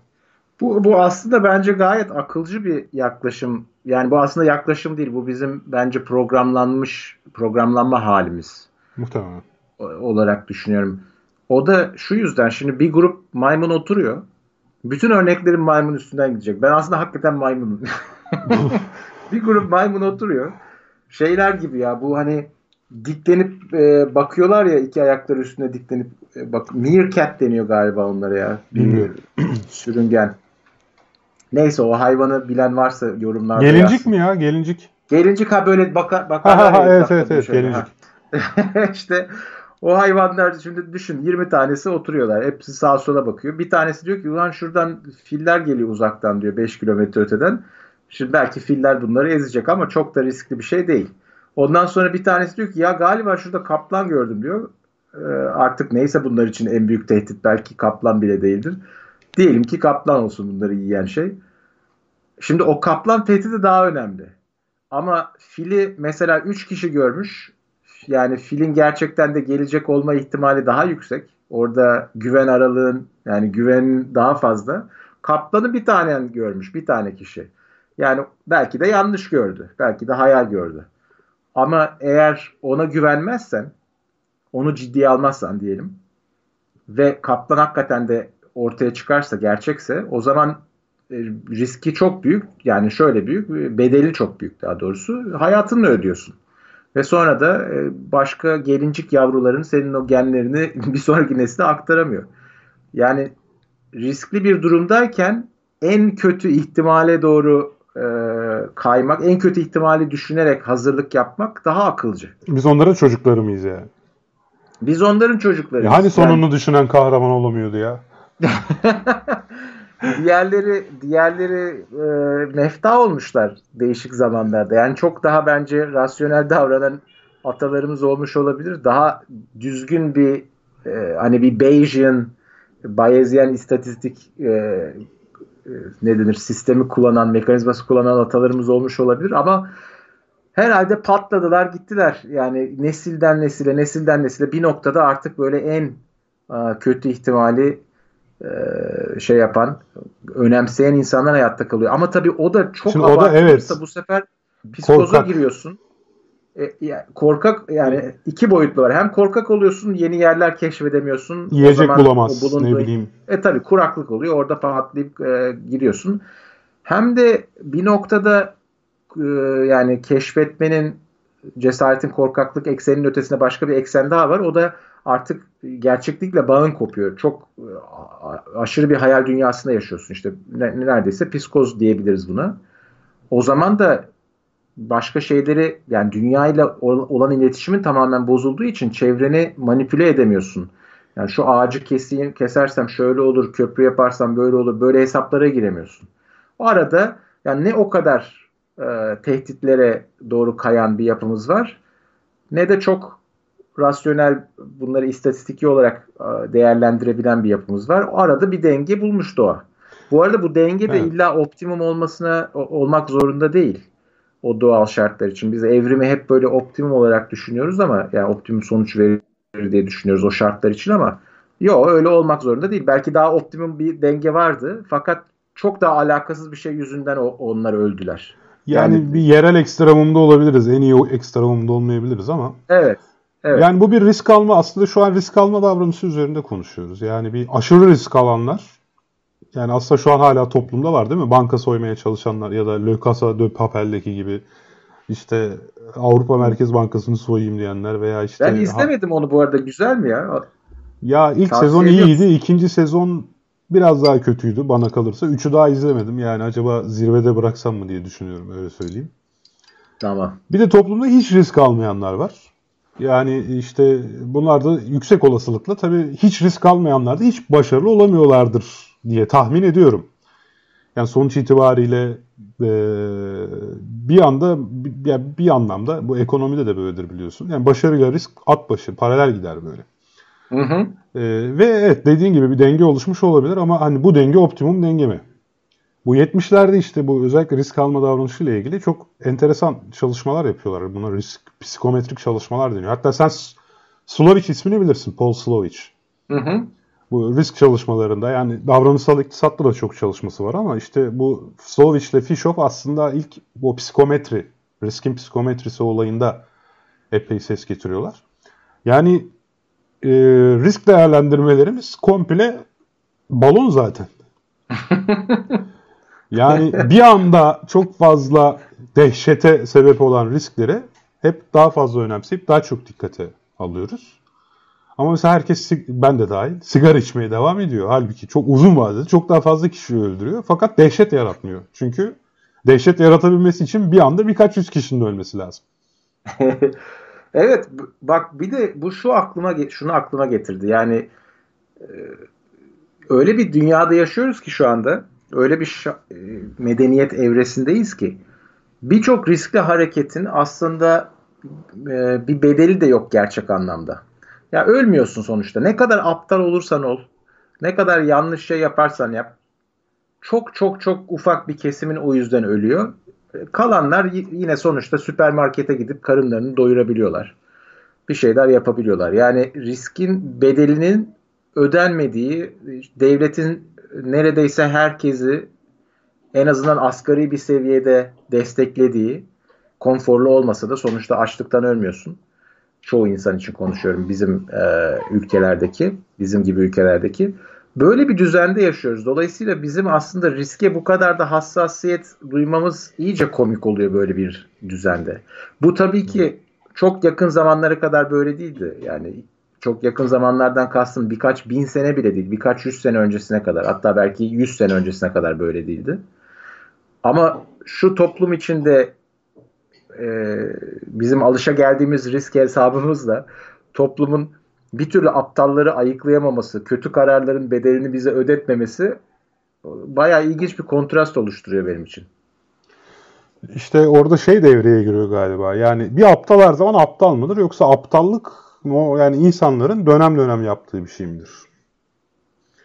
Yani evet. Çünkü Cipolla'nın aptallık yasalarına göre hani aptallık diğer tüm kişilik özelliklerinden, eğitimden falan bağımsız. Hani bizim bunu e, hoş görmemizin sebebi şu. Yani mesela kendini ne kadar akıllı hissetsen de hayatının bir döneminde bir aptallık yapabilirsin. Ve Hı-hı. bu sebeple bütün hayatının mahvolmaması lazım. Dolayısıyla bunun bir koruyucu mekanizması olması lazım. Hı-hı. Tamam yani buna ben ihtiyaç duymadım ama bir gün ihtiyaç duyabilirim. O yüzden şimdi bazı aptallık yapanları kurtarmakta sakınca yok. Sonuçta bir gün ben de aptallık yapabilirim falan diye düşünüyoruz herhalde. Evet, evet doğru. doğru. ama bazı şeyleri de görüyorsun. Yani bunlar da ölsün artık diyorsun ya. Ne bileyim bir, bir video aklıma geldi şimdi. Romanya'da mıydı nerede bir yerde gitmişler. Salgın haberlerini yapıyorlar. insanları eğitmeye çalışıyorlar. Karantina filan.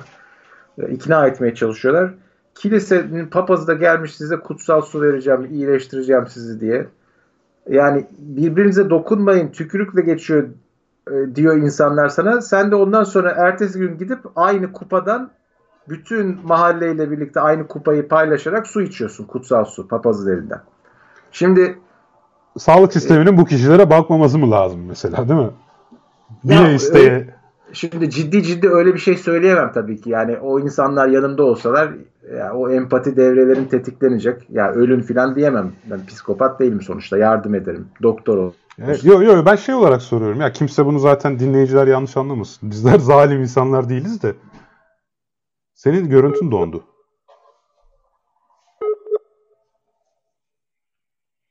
öldürelim demiyorum kalkıp Ama normal şartlar altında bunların hayatta kalmaması lazımdı.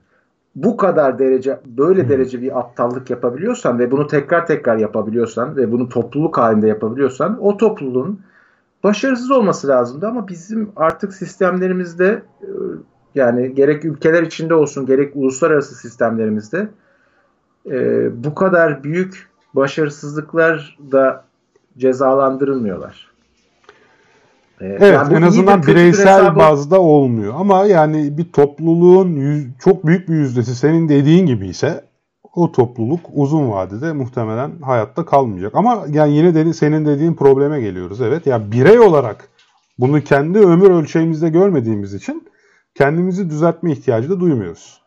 Ya mesela şu an bence bizim toplumun bilimle, teknolojiyle, felsefeyle, sanatla olan ilişkisi uzun vadede bizim toplumu e, zarar verecek bir seviyede şu an. Ama şu an hayatta olan bireyler bunu kendi hayat ölçeklerinde yüksek ihtimalle görmeyeceği için gelecekteki bütün olası sonuçların kendilerini etkileyeceğini farkında değiller. Hı hı. Evet. Yani adam çok rahat bir şekilde bilim düşmanlığı yapabiliyor. Üniversitede de hoca falan bu arada. Yani. Ya ben işte buna çok gıcık oluyorum ya. Evet. Yani insanlar e, be, belli şeyleri belli şeyleri o kadar kanıksamışlar ki taking, taking for granted denir ya. Sen onu sanki otomatikman sana gelen bir faydaymış gibi. Yani ağaçtan topladığın bir meyvaymış gibi o, o fayda sanki sana geliyor. Halbuki bunun bu faydalar için o bilimsel kültür için mesela örneğimizde o kadar çok bedeller ödendi ki. Ben bunu aynı zamanda siyaset konularında da düşünüyorum. Yani adam mesela Avrupa Birliği'nin konforu içinden onun yaşadığı o güvenceden, o seyahat özgürlüğü ya bu bu insanlar birbirlerini kesiyorlardı ya iki nesil öncesine kadar. Şimdi her oradan buraya bisikletle gidebiliyorsun. Sen o konforu içinden o AB'ye sövüyor. İşte uluslararası komplocular da globalistler de bilmem ne de ulan yani böyle bir rahatlığı senin deden hayal bile edemezdi. Sanki insanlık böyle yaşamış gibi. Ama işte bu insanın doğası ya. Yani kaybetmeden değerini anlamıyorsun bir sürü şeyin. Ee, ve o onun içinde doğan insanlar, o sistemin içinde doğan insanlar o yara faydaların ne bedeller karşında kazanıldığını anlamıyorlar. Sen Şimdi mi yazmıştın ya? O adam mesela uçağa biniyor. Uçakta internet var ya artık internet var yani. Telefonunu açıyor internet yavaş diye sövüyor. ya o şey ben yazmıştım ama ben onu Louis C.K.'in bir uh, komedyen var ya stand-up komedyen Louis C.K. Onun bir skeciydi o. Şey diyordu. Everything is awesome and nobody is happy. Yani her şey inanılmaz, her şey mükemmel ve kimse mutlu değil. evet, yani. Bir anlamda işte senin dediğin de o. Çünkü işte burada galiba hedonik adaptasyon dediğimiz şey mi devreye giriyor? İyi şeylere hemen adapte olduğumuz için onu hep zaten elimizdeymiş, o bizim normalimizmiş gibi algılamaya başlıyoruz. Onun olmadığı zamanları da hatırlamıyoruz ve onun olmadığı bir durum da hayal edemiyoruz ve biz o şeyin değerini takdir edebilecek bir zihinsel durumda olmuyoruz.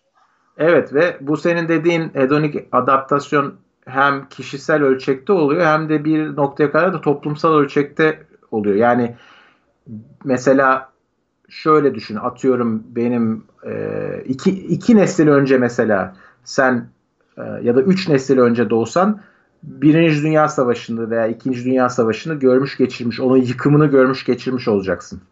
Şimdi senin çocuğun illa o yıkımları, o savaşı yaşamak zorunda değil. Ama yine de o toplumsal hafıza belli bir noktaya kadar onu taşıyor o anıları. O yüzden o e, yıkım sonrasında gelen barışın değerini biliyor. Ama yavaş yavaş bir, bir nesil değil de mesela iki nesil sonrakiler onu anlamıyor. Bizim nesil veya sonraki nesil anlamıyor gibi düşün. Yani artık evet. hangi felaketi referans olarak alıyorsak. Öldü ölelim vur da vuralım falan diyen tipler ortaya çıkıyor. Sonra savaşın muhasebesini vesairesini hiç bilmeyen. Ben evet. Bu Netflix'te 2. Dünya Savaşı'nın renklendirilmiş görüntüleriyle baştan sona özet bir şekilde anlatan bir belgesel var. Biz eşimle onu izledikten sonra dehşete düştük ya. Korku Neydi filmi... belgesel? Ya İkinci Dünya Savaşı'nın en renkli anları diye eski Aha. görüntüler renklendirilmiş Netflix'te. Ya biz dehşete düştük. Biz hani korku film izlersin gece uyuyamazsın ya çocukken. Yani öyle bir hisle o Dresden ateş fırtınası meselesi ya da Hiroşima hmm. olayı yani ya da işte Stalingrad savunması falan. Abi yani uyuyamadık gece ya. Korkunç Huzurumuz şeyler, bozuldu korkunç. yani. Ya ins yani bir an biz şeyi unutmuşuz işte. Yani insanın tamam mı? Bir yani savaşta neler yapabilecek bir çılgınlığa sahip olduğunu unutmuşuz. Bir an için kendimizi işte dünyanın şeyine kaptırmışız. Biz de aynı şekilde. Ve evet insanlar insanlar bunu yaptı ve tekrar yapabilirin farkına varmak. Ya İkinci Dünya Savaşı kaç sene oldu? 75 yıl oldu ya. Bir insan ömrü e, ömrü ölçeği kadar süre geçmiş henüz yani. Öyle çok eskilerde kalan bir şey değil ki. İkinci Dünya Savaşı'nı gören insanlar yaşıyor şu an yani. Evet bir de tabii daha ufak e, ölçekte de benzer şeyler oluyor. İşte Avrupa'nın ortasında sonuçta Bosna'daki savaş mesela. Tabii tabii ee, tabii. Yani sadece böyle ekstrem şeylere de odaklanmaya gerek gerek de yok. Savaş korkunç bir şey ama şunu da düşün. Mesela diyelim savaşı atlattın. Ondan sonraki hayat nasıl oluyor? Yani barış imzalandı. Bir sene sonraki hayatın nasıl oluyor? Biz onu bile hayal edemeyiz. Yani bırak kafamıza yangın bombalarının yağmasını. Bir sene sonraki hayatı bile hayal edemeyiz. Çünkü dediğim gibi bir süpermarket yok ya. Öyle bir şey yok dünyada. Varsa yani da mal yok içinde falan. 3-5 evet. çeşit bir şeyi kuyruğa girip alman gerekiyor. Yani. yani sana karneyle veriyorlar alabilirsen yok işte şeyde black market'ta birileriyle mücadele edeceksin kara borsada yani kavga edeceksin falan da filan polis molis zaten yok her yere rüşvet vermen lazım geleceğin yok yani hani şöyle diyebilirsin ya ben bu acıları çekiyorum ama en azından çocuğum daha iyi şartlarda yaşayabilir birçok insanın böyle bir umudu bile yok kendin için umudun olmasını bırak çocuğun için bile umudunun olmaması ne kadar korkunç bir his ya. Ve bizim böyle dertlerimiz yok. İşte salgında evdeyiz şimdi. E ben telefondan, app'tan e, yemek sipariş ediyorum. Çat diye geliyor. Artı şu an burada konuşuyoruz insanlar. Burada konuşuyoruz. Bu, bu ne bu? Ondan sonra da bizim bak ben işte şunu e, şimdi araya sıkıştırayım. Bunu konuşmak istiyordum zaten. Bizde şey var. Böyle bir travma eksikliği var. Tamam bizim nesilde bizim nesil derken yani dinleyenler 18 yaşında da olabilir, 68 yaşında da olabilir bilmiyorum aslında böyle tek bir neslimiz yok da. Sonuçta senin dediğin gibi e, en büyük travma 75 sene önce yaşanmıştı bizim hatırladığımız modern zamanlarda. E, ondan beri de öyle çok büyük bir şey olmadı. Hani küresel işte, ölçekte bir travma olmadı neredeyse. E, olmadı yani ya da bizim işte Türkiye özelinde düşünürsen ne oldu? Darbeler oldu tamam. 99 ee, depremini yine belki sayabiliriz. Çok travmatik bir olaydı. Evet ben o sırada Türkiye'de değildim. O yüzden onları te- bizzat yaşamadım oradaki onun etkilerini. Ama genel olarak o bu insanların anlatacak bir yani bizim anlatacak bir hikayemiz yok. Ya şu zorluklardan geçtik, bunları yaşadık diye anlatacağımız ortak bir badire yok atlattığımız ortak bir badire. O Aslında yüzden var da şey... atlatınca anlayacağız. yani... Neyse sen devam et. Yani böyle bir şey ortaya çıkınca buna biraz mal bulmuş mağribi gibi atladık. Bir de tabii e, sosyal medyada ilk defa böyle bir felaketle eş, eş, bir, eş zamanlı bir şekilde bu kadar yaygın kullanıldığı için tam olarak bunu yaşıyoruz şu anda. O yüzden de diyoruz Aa işte ne kadar acayip zamanlardan geçiyoruz şudur budur. Ya bence çok abartıyoruz çok abartmamızın yani bunu bu tespiti şu yüzden söylüyorum. Tespit de değil aslında. Benim fikrim sadece. Ee, şuraya bağlayacağım. Bu bence o kadar büyük bir şok değil sisteme sandığımız kadar. Ve bu iş atlatılınca tamamen bitmeyecek öyle de en azından şok etkisi geçince bundan yaşamasını öğrenince birkaç ay içinde ee, biz şimdi mesela burada gelecek hakkında güzel yazılar yazabiliriz. İşte şun, şöyle değişiklikler olacak. E, artık hiçbir şey eskisi gibi olmayacak filan. Onlar da eskisine %90 oranında dönecektir. Çünkü insan nasıl ki 2. Dünya Savaşı'ndan aldığı dersleri unuttu. Ondan çok daha az travmatik olan bu olaydan da alınacak dersler unutulacaktır. Ben şey demiyorum. Hiçbir değişikliğe yol açmayacak demiyorum ama şu anda sandığımız atıyorum yani 10 üzerinden 10'luk bir skaladaysak şu kadar değişiklik olacak diyorsak belki 10 üzerinden 2 değişiklik olacak.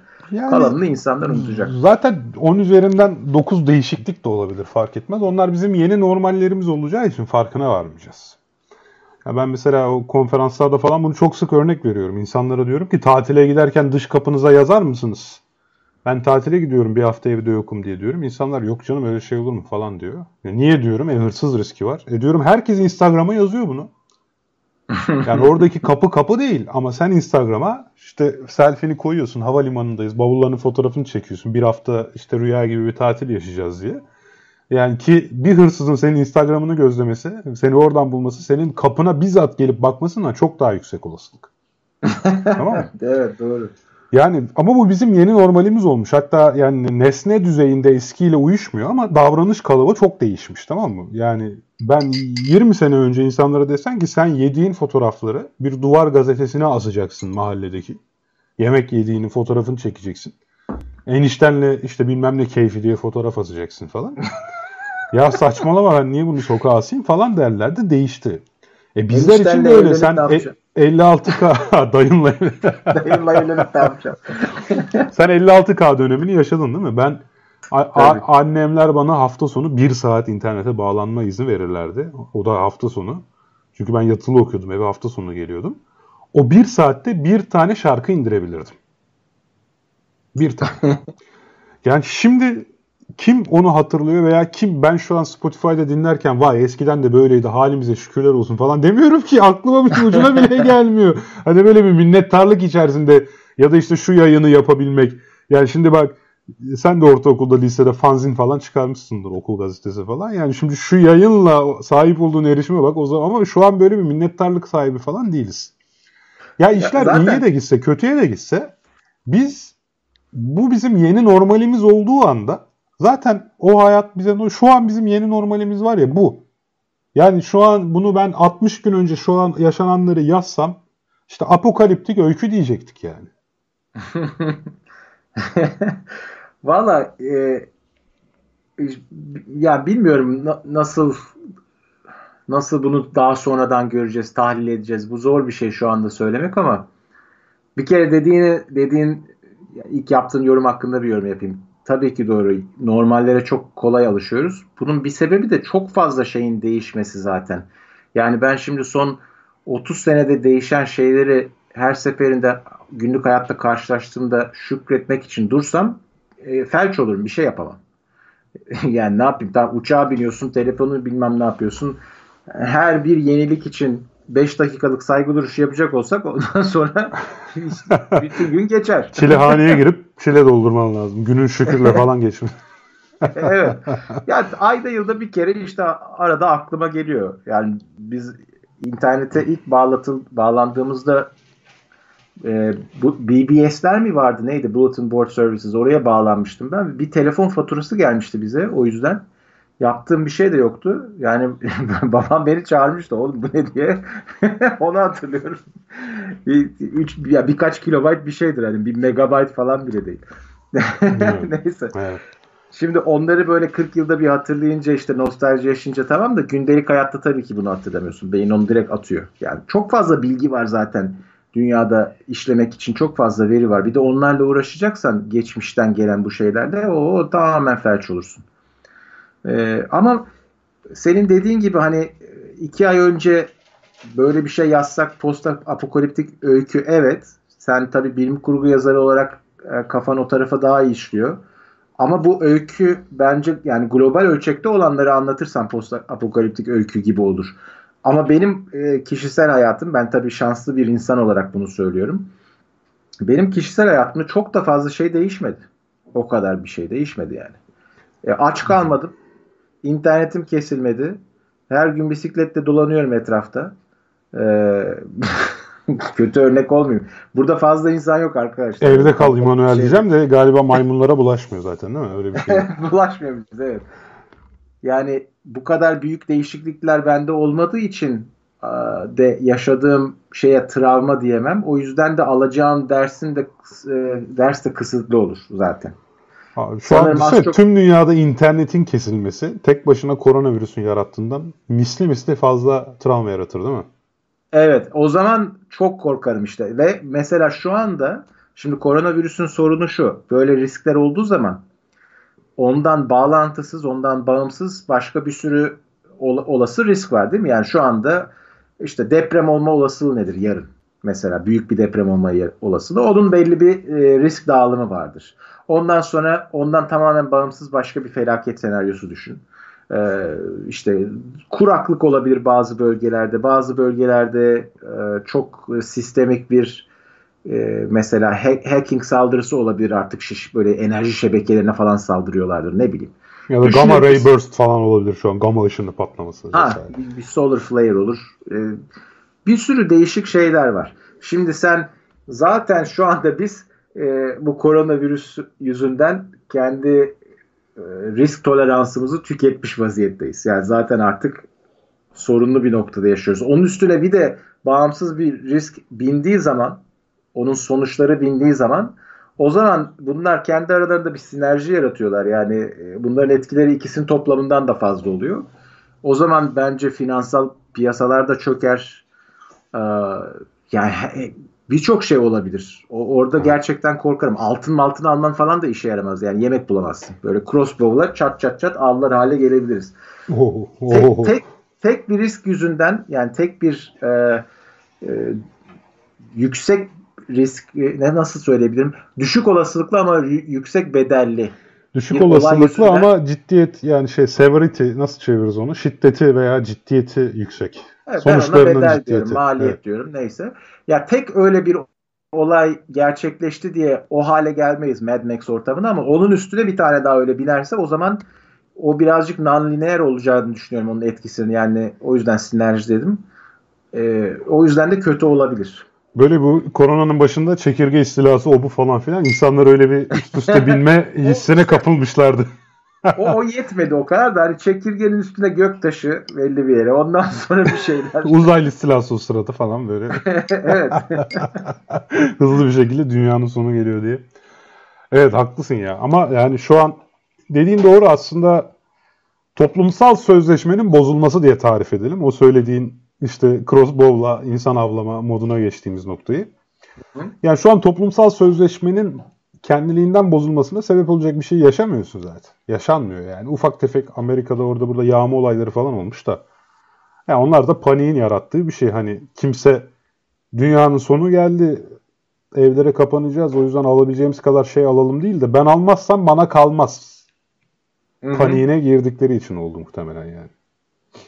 Ya o, o ilginç bir şey. Şimdi orada iki ayrı şey söyleyeyim. Birincisi Amerikalılar manyak. Ee, o orası kesin. Yani ben e, yetişkin hayatımın büyük bölümünü orada geçirdiğim için ve değişik yerlerinde yaşadığım için kendim de bir Amerikan vatandaşım. Kendime Amerikalıyım demiyorum ama e, sonuçta o sistemin Oo, içinde... Gümrük kapılarında gidip ben Amerikan vatandaşıyım açılın falan diyebiliyorsun yani. evet. Yok yani Amerika'dayken de bana sen nerelisin diye sorduklarında direkt Türk'üm diyorum. Yani hiç böyle Turkish American bilmem de post kesmeye gerek yok.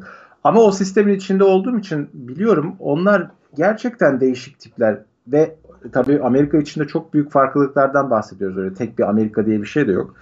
Ama bu özellikle e, işte orta yani şöyle söyleyeyim daha kırsal kesimde e, Amerikan tarihinden de ileri gelen bir takım sebeplerden ötürü bu işte federal federalizme karşı olan tepkiden e, ötürü bir e, kendi kendine yetmecilik ve bir işte anti e, hükümet, anti iktidar, işte mili, milis kuvvetleri kuralım, biz kendi bölgemizi savunalım. Böyle bir kafa yerleşmiş vaziyette. E, bu çok uzun zamandır var. Bunun üstüne de işte NRA gibi bir lobi kuruluşu gelince oraya çö çöreklendi. Onları organize etti. Şimdi bu adamlar e, yıllardır zaten o şekilde yaşıyorlar. Yani e, silahları var, dünya kadar cephanelikleri var. İşte bunların uç noktalarındakilere prepper deniyor. Yani bir prepper şey e, preparation preparation'ın kısaltılması. Tilki hani yuvaları falan böyle hazırlıklar yapılmış değil mi? Böyle. Ha, hazırlıkçılık e, diye bir akım var öyle söyleyeyim. Ee, hazırlılıkçı, hazırlılıkçılık, hazırlılıkçılık daha iyi. Hazırlılıkçılık. Daha. bunlar sığınaklar yapmışlar, şunlar bunlar. Şimdi sen zaten sürekli birbirleriyle de sürekli konuşuyorlar, birbirlerini fiştekliyorlar sürekli. E şimdi sen bunun böyle kendini bu kadar e, tetiklenecek noktaya getirmişsen hani sen de biliyorsun psikolojide priming denen bir faktör var ya seni belli bir noktaya kadar ittiriyor. Belli bir, bir thresh olduğunu hemen altındasın zaten bir eşik değerinin. Bir eşik değerinin hemen altındasın. Bir kıvılcım çakıyor. Ondan sonra hop aa işte bunca zamandır bu anı bekliyorduk. O ben demiştim e, psikolojisine giriyorsun. Gaza geliyorsun. İşte biz demiştik bize deli dediniz o kadar yıldır. Halbuki bakın e, Haklı çıkmanın şeyini yaşayalım zevkini. Evet. O yüzden de çok abartılı reaksiyon veriyor onlar. Kendilerini haklı çıkartmak için de. Gidip işte silahlar alıyorlar filan. Bunun üstüne bir de tabii zaten orada gelir adaletsizliği fazla. Bir sürü yoksul yaşayan insan var. Onlar da fırsattan istifade yağma işlerine de karışabilirler. Onlar karışınca bu hazırlıkçılar e, iyice gaza geliyorlar. Sosyal medyada onları görüyorlar. İşte bakın yağmalar başladı. Biz iyice haklıyız. İşte yakında bize yalvaracaksınız filan. Saçma bir kısır döngü var orada o yüzden. Ee, Bu Ten Cloverfield Lane var izledin mi? Yok izlemedim. Ten Cloverfield Lane e, Harun Aydın da hatırlattı şimdi sohbette. Zaten sözünü kesmeye yer arıyordum. O da hatırlatınca bunu söyleyecektim yani. E, mutlaka izle izlemediysen. Hiçbir şey söylemeyeceğim. Yani spoiler da olmasın neyciler için de. İzle yani. Tamam. Ten Cloverfield tamam. Lane. O adamın adını unutuyorum. Fred Çakmaktaş'ı oynayan kimdi? Taş devrinde. onu nereden biliyorsun onu oynayanı ya? Abi yok filminde oynayan ya. Filminde. Çizgi benim filmde için... oynayan değil. o adam başrolde oynuyor. Gerçekten iyi film yani. Güzel. Sevdim ben. Tamam. Tam senin dediğin o e, şey bir karakteri konu alıyor çünkü. Hazırlılıkçı. Hazırlılıkçı karakteri konu alıyor. ya oradaki insanlar işte hem o kültür o, olduğu için zaten o, o kültür yerleşik olduğu için hem de böyle bir olay olunca birbirleri fiştekliye fiştekliye abartıyorlar birazcık. Ya Ama... şimdi o kültürü Amerika'ya atfediyoruz da yani Türkiye'de az değil be abi. Yani bu ülkesel felaketinde dükkandan çıkan malları yağmalayan hatta kendisine uzatılan kameraya oruç tutmuyorlar ondan oluyor falan diyen tipler gördüm. 99'da enkaz altındaki insanların kolları kesildi bilezikler sökülmek için. Jandarmaya vur emri falan verildi Gölcük'te. İşte e, bu arada tabii bir yağmacılık şeyden bahsetmiyorum. Yani felaket öncesi yağmacılıktan değil ben burada felaket sonrası yağmacılıktan bahsediyorum bir anlamda. Veyahut ben mesela tren kazası geçirdim. Daha sonra eşyalarımızı almaya jandarmaya gittik. Benim bir bilgisayar çantam vardı birileri direkt kesik atmış çantaya içindekini alabilmek için. Yani fermuarı açmak değil, profesyonel bir hani şuradan kesip çıkarız vakit kaybetmeyelim. Hani fermuar açmak vakit kaybı diyebilecek kadar profesyonel yağmacılar kaza alanına gitmişler yani. Hmm.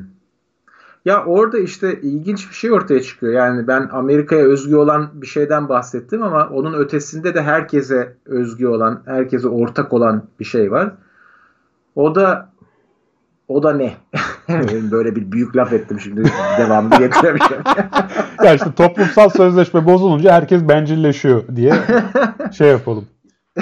ya iki nokta var aslında. Şimdi biz genel olarak yine maymuna dönelim.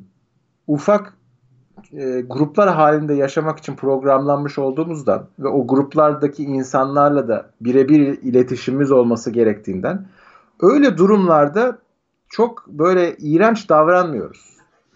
Yani çünkü kötü bir şey yapsan, birini kazıklasan filan anında onun sosyal bedelini öde, ödüyorsun, gruptan dışlanıyorsun. Evet. Ama böyle çok büyük gruplar halinde yaşadığımız için şehirler, şunlar bunlar ve böyle bir felaket anında bir sürü yabancılar geliyor, ortam karışıyor.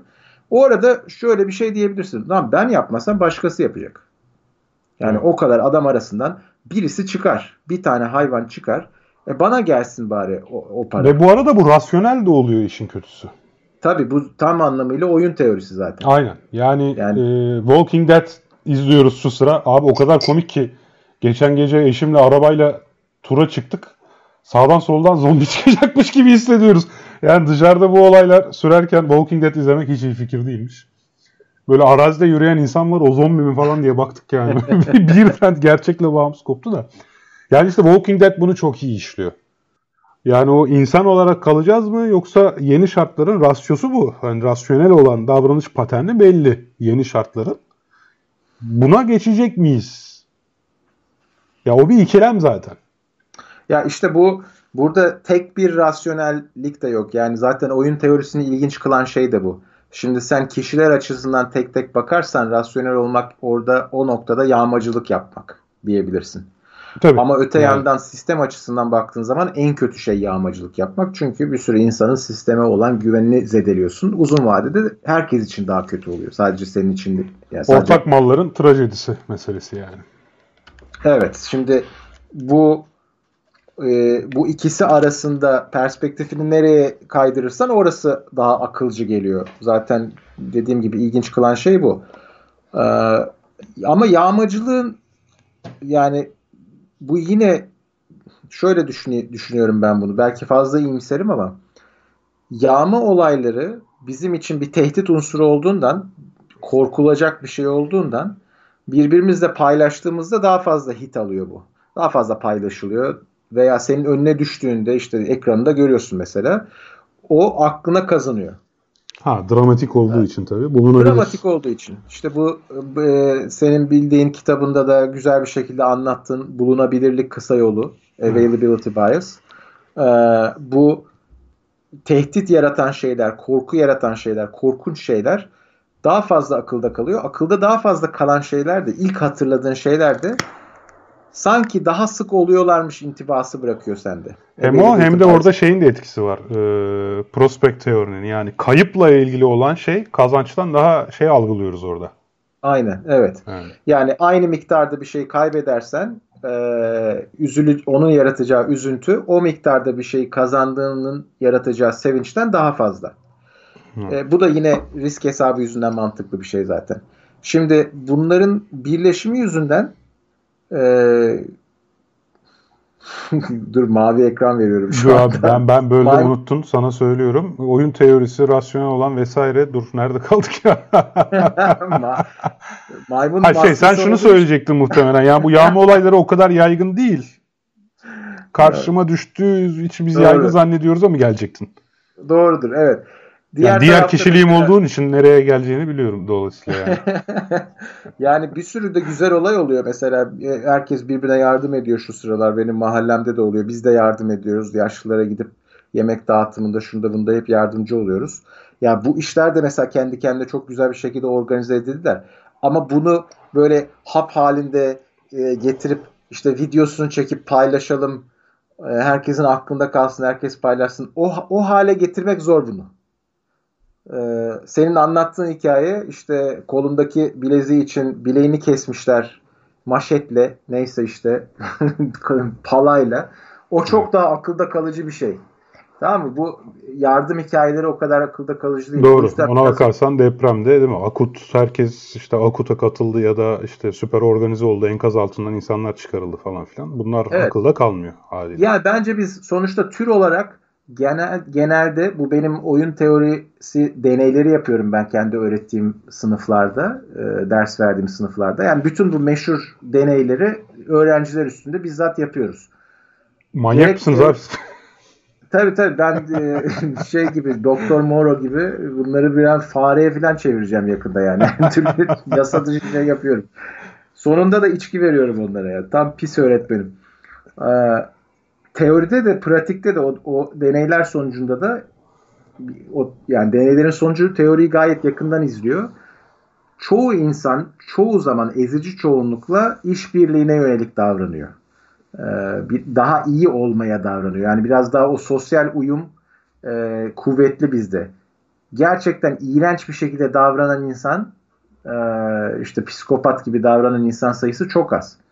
Onlar da zaten öyle davrandıklarında anında e, tepki gördükleri için ve irrasyonel bir şekilde tepki görüyorlar aslında. Yani şurası da ilginçtir bu tip deneylerin. Ben senden kazık yersem bugün ve yarın da seninle bir münasebetimiz olacaksa ben yarın sana o kazığı ödetmek için yani sana geri kazık atmak için kendim malımdan, zamanımdan feragat etmeyi tamamım. Yani sana hiç kazık atmasam, senden hiç intikam almaya çalışmasam, cebimden diyelim hiçbir şey çıkmayacak ekstra. Ama sırf sana o bana yaptığın kazığı geri ödetmek için atıyorum cebimden bir ekstradan 50 lira daha vermeye razıyımdır. Evet. Çünkü yani, orada içsel ödül var işte. İçsel ödül dışsal ödülden büyük oluyor. Evet biz İntikam. şimdi böyle kişisel olarak baktığın zaman ben bir makine olsam bir makine buna karar vermez. İrrasyonel bir şey der bu ama sosyal e, bir grup içinde yaşayan hayvanlar açısından bu çok yararlı bir adaptasyon. Öyle işte saçmalayanları, e, gruba kazık atanları engelliyorsun. Ama ben şuraya kaydırmak istiyorum muhabbeti. Şimdi yağmayı geç, yağma dediğim gibi bu nedenlerden dolayı az oluyor. Tabii bir noktaya kadar da o e, toplumsal düzen çöktükten sonra bir noktada hakikaten artık kendini koruma içgüdün ön plana çıkacak. Ama biz o noktadan çok daha çok uzağız şu anda. Getirmek istediğim nokta şurası muhabbeti. Yağmadan ziyade mesela e, süpermarketlerdeki tuvalet kağıdını düşün. Tuvalet kağıdının bitmesi. Yani süpermarketlerin parayla yağmalanması diyelim. Hani parasını da veriyorsun ama her şeyi alıyorsun. Stokçuluk. E, bu neden oluyor mesela? Burada da şöyle ilginç bir durum var. Ya kimsenin o kadar da çok fazla tuvalet kağıdına ihtiyacı yok. Yani birazcık artıyor tuvalet kağıdı. İşte ofise gitmediğin için evde e, gidiyorsun tuvalete. Tamam biraz ihtiyacın olacak ama onca şey arasında niye tuvalet kağıdı? Evet Bunu... abi bu da Amerikalıların özelliği mi bu arada? Ben de sana onu soracaktım az önce madem Amerikalısın. Vardı. Avustralya'da da vardı bu iş. Ya bir kere dünyanın önemli bir kısmı tuvalet kağıdı kullanmıyor zaten. Kullanan kesimde de işte Avustralya'da çıktı, Amerika'da da çıktı bu sorun. Başka yerlerde de çıkmıştır. Geçen gün bu Serdar Kuzuloğlu'yla da bunu konuşuyorduk zaten. Bir, şöyle ilginç bir durum oluyor. Talep birazcık, reel talep hakikaten birazcık artıyor olabilir.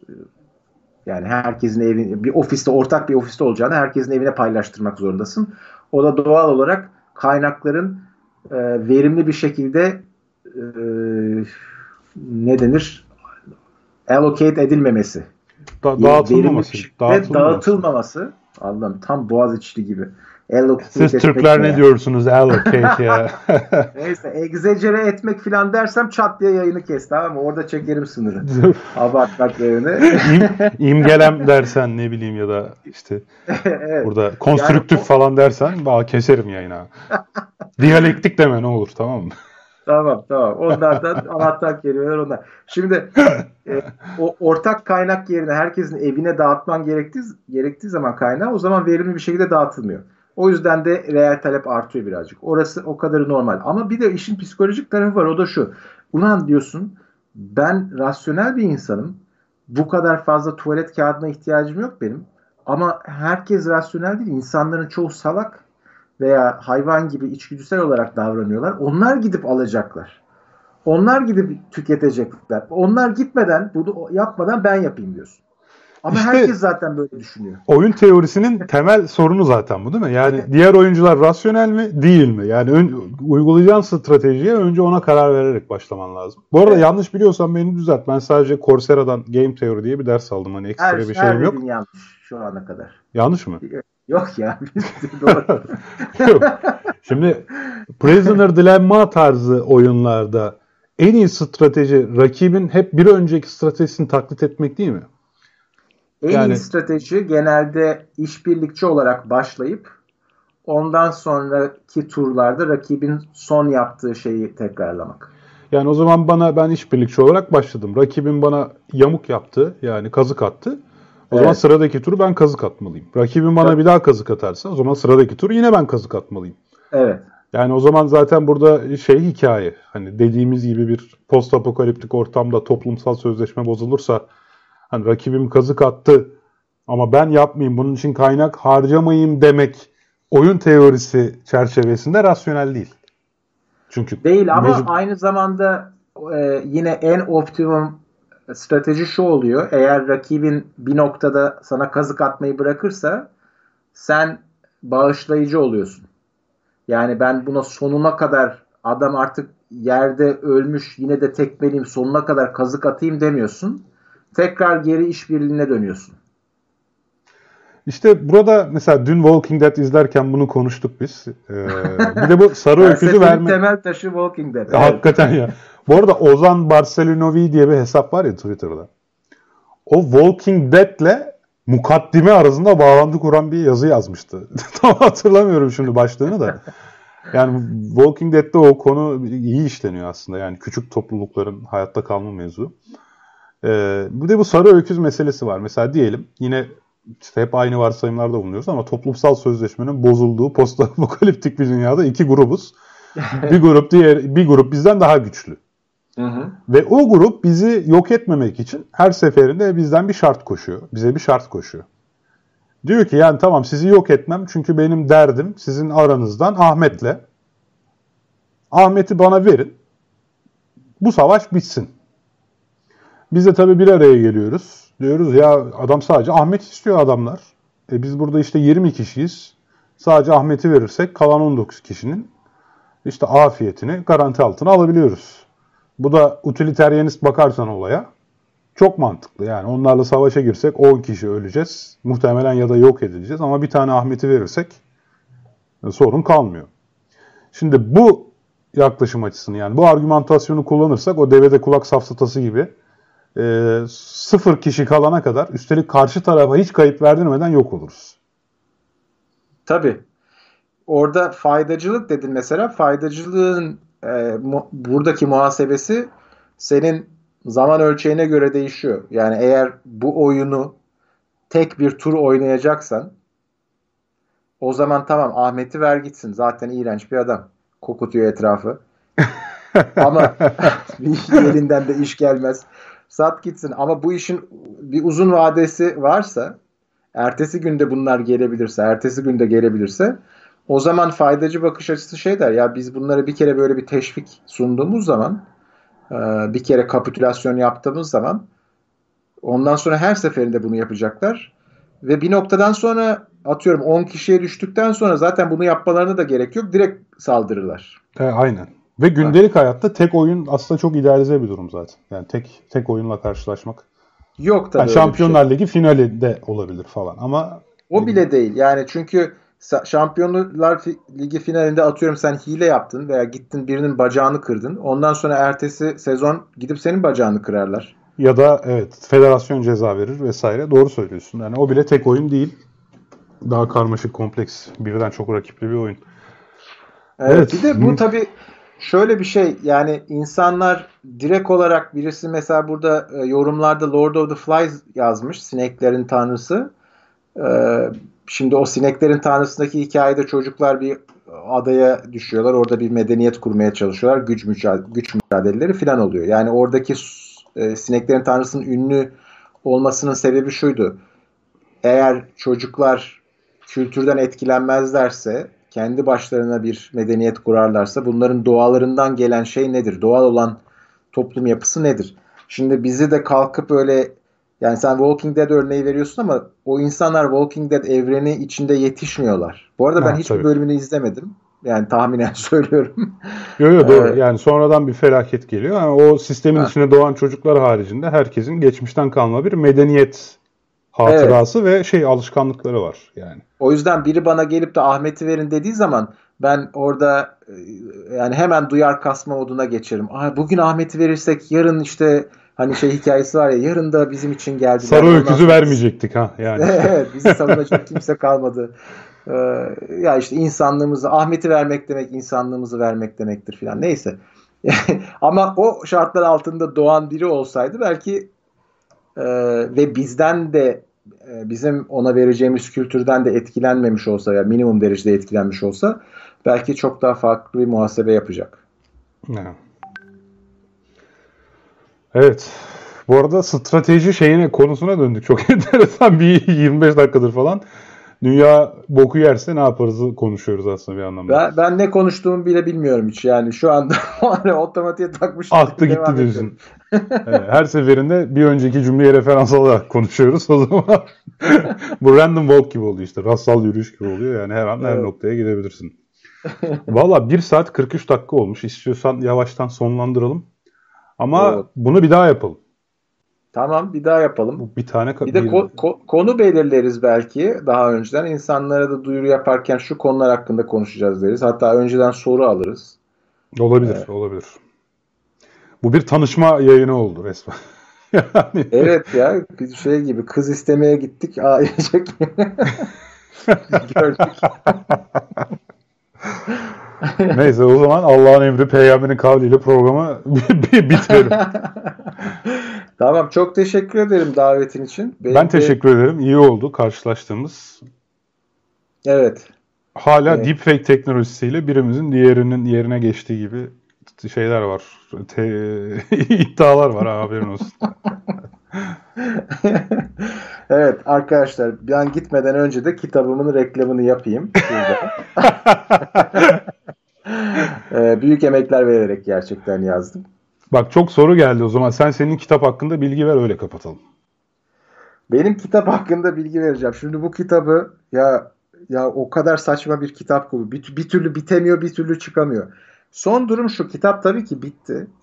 Ee, ben hatta koronavirüsü hakkında bir bölüm de yazdım. Bu komploculuk ve koronavirüsü hakkında. Hemen e, Abi sen öyle beklersen fırsat... dünyada hep bir şey olur ya. E, ama bunun için geciktirmedim kitabı. Ha. Yani aynı anda birkaç şey oldu. Birincisi tam çıkacakken ben çok az bir gecikme yaşadım. Ondan sonra benim editör işten ayrıldı. O Oo. bana dışarıdan yardımcı oluyor fakat koronavirüs salgını o sırada iyice patlayınca bütün işler alt üst oldu. Şimdi bu noktada e, biz ne yapacağımızı e, şu anda ben bilmiyorum. Çünkü birkaç kişiyle konuşmam lazım. Ya yani bu noktada şeye döndü. Yani kitabı çıkarsak şu anda ölü doğabilir. Yani kimse gidip almayabilir. Hmm. Bir de bu kitaplar öyle çıkınca işte 3 ay sonra koronavirüs salgınından her şey normale dönünce kitap orada kalmıyor raflarda. Doğru, Başka doğru. şeyler geliyor sürekli. Ee, Türkiye'de kitapçılık da bir acayip bir şeymiş. Rafta yani. rekabet var abi. Rafta çünkü sonuçta çok kitap çıkıyor ama kitap evlerinin sınırlı sayıda rafı var. Bu evet. yüzden bayağı orada çok çetrefilli bir rekabet var. Ama bu rekabetin ben şunu bilmiyordum. Bunu yayın, yayın evlerinden öğrendim. Bu rekabetin hiçbir akılcı tarafı da yok. Çünkü e, bir veri yok bunların ellerinde. Yani şey gelmiyor sana geri şu kitapçıda şu kadar satıldı, stokta bu kadar var. İşte geri şu şu kadar gö- gönderirseniz e, hala satılmaya devam edebilir. Böyle bir veri yok. Tamamen kafalarına göre bir şeyler uyduruyorlar. Ve e, çok uzun bir e, şey var. Geri bildirim süreci var anladığım kadarıyla. Yani yayın evi, dağıtım şirketi ve kitapçı arasında böyle bir bilginin gidip gelmesi. Abi yani çok saçma bu çağda nedir bu saçmalık Çeklerde ya? 4 aylık. Çek süresi kadar geri bildirimi var yani. Ya sen dünyanın en güzel kitabını yazsan ve hakikaten de inanılmaz bir talep olsa yine de e, bir hafta iki hafta sonra o kitap yenilenmeyecek. O raflarda başka kitap gelecek. Çünkü kimsenin haberi yok. Ee, ya ortadaki oradaki te, şey zincir kopuyor bir noktada. Abi yayın evleri haberi. kitapların kategorileriyle oynayarak falan trollüyorlar bu hatta şeyi. Hani mesela irrasyoneli ben bazen hobi kategorisinde görüyorum. Kitap evine öyle gelmiş falan yani. Acayip rasyonel ya hobi olarak rasyonel. Neyse sonuçta e, demek istediğim şey birazcık strateji işine döndü ama ben şöyle bir şey yapıyorum. Böyle bir reklamı yaparak bitireyim. E, kitap tabii ki asla yani yok olmayacak. Yayın eviyle anlaşmamız da uzun süreli devam ediyor çok yakın zamanda çıkmasa bile ben bunu Patreon'dan e, bölüm bölüm okuyorum değişik bölümlerini. Yani sırayla gitmiyorum da. E, işte bu iki hafta e, yani bu aralıkta şunu okuyayım diyorum. Böyle bir o destekçilere özel bir podcast bölümü gibi olmuş oluyor. Ha, Fakat güzel. ben bunu e, sırf Patreonculara kapalı tutmak istemiyorum. Yani oradan gelen desteğe ihtiyacım var ama e, bilginin sonuç sonuçta mümkün olduğu kadar fazla insanla paylaş paylaşılmasını istiyorum. Bilgi ve fikirlerin fikirlerin daha doğrusu. Bir noktada ben onları açacağım. Bu noktada mesela ilk kaydı yaptıktan atıyorum bir ay sonra olabilir, iki hafta sonra olabilir neyse. Şimdilik zaten bir bölüm var orada bir iki tane bölüm. E, bu hafta da ekleyeceğim. Böyle bir sistemle gideceğiz. Yani çok gecikirse en azından e, e, belli bölümleri benim en çok severek yazdığım bölümleri diyelim. Sesli haliyle de çıkacak. Ee, Patreon'a da desteği beklerim. Desteği veremeyenler de e, hiç üzülmesinler. Arada böyle e-mail alıyorum ya ben işte öğrencim falan diye. Ya öğrenci halinizde zaten girmeyin o işlere arkadaşlar. Başka ihtiyacınız olan ihtiyacı olan insanlara verin. Ee, ama sembolik olarak da bir şeyler verirseniz ben mutlu oluyorum. Kendi kendime gaza geliyorum. Bu durumlara budur yani. Ee, senin de bir ara bizim belki bana iadeyi ziyaret yaparsın bizim podcast'te alırız seni. Olabilir. Olabilir. Üstelik ben şey Budapeşte'ye de geleceğim zaten. O zaman misafir ederim zaten. Tamam öyle de yaparız. Sen de İstanbul'a gelirsen haber verirsin. Neyse bunları yayında konuşmayalım zaten. Şu noktada o Spider-Man e, resmine gir. Şöyle birbirini işaret edenler. Tamamdır. O zaman hadi kendine iyi bak. Ee, ama tabii sen gitme. Ben yayını durduruyorum. Seninle vedalaşırız. Evet herkese e, katkıları için çok teşekkür ederiz. Yorumlara çok dönemedik. Sohbet çok koyuydu. E, çok fazla yorum yazdınız. Hepinize çok teşekkürler. Bunun tekrarını da yapacağız bir aksilik olmazsa. Ee, ve bu ses kaydını hem e, Immanuel Dostoyevski hem de Açık Bilim olarak biz podcast kanallarımıza koyacağız. Kaçırdığınız kısımları oradan rahatlıkla dinleyebilirsiniz. Zaten YouTube'da da bu kayıt devam ediyor. Ee, o zaman hoşçakalın. Kendinize iyi bakın. Evde kalın. Görüşürüz arkadaşlar. Daha fazla bilgi edinmek isteyenler Tarihi Osmanlı Mecmuası'nın 3. cüzünün 1912. sayfasına bakabilirler efendim.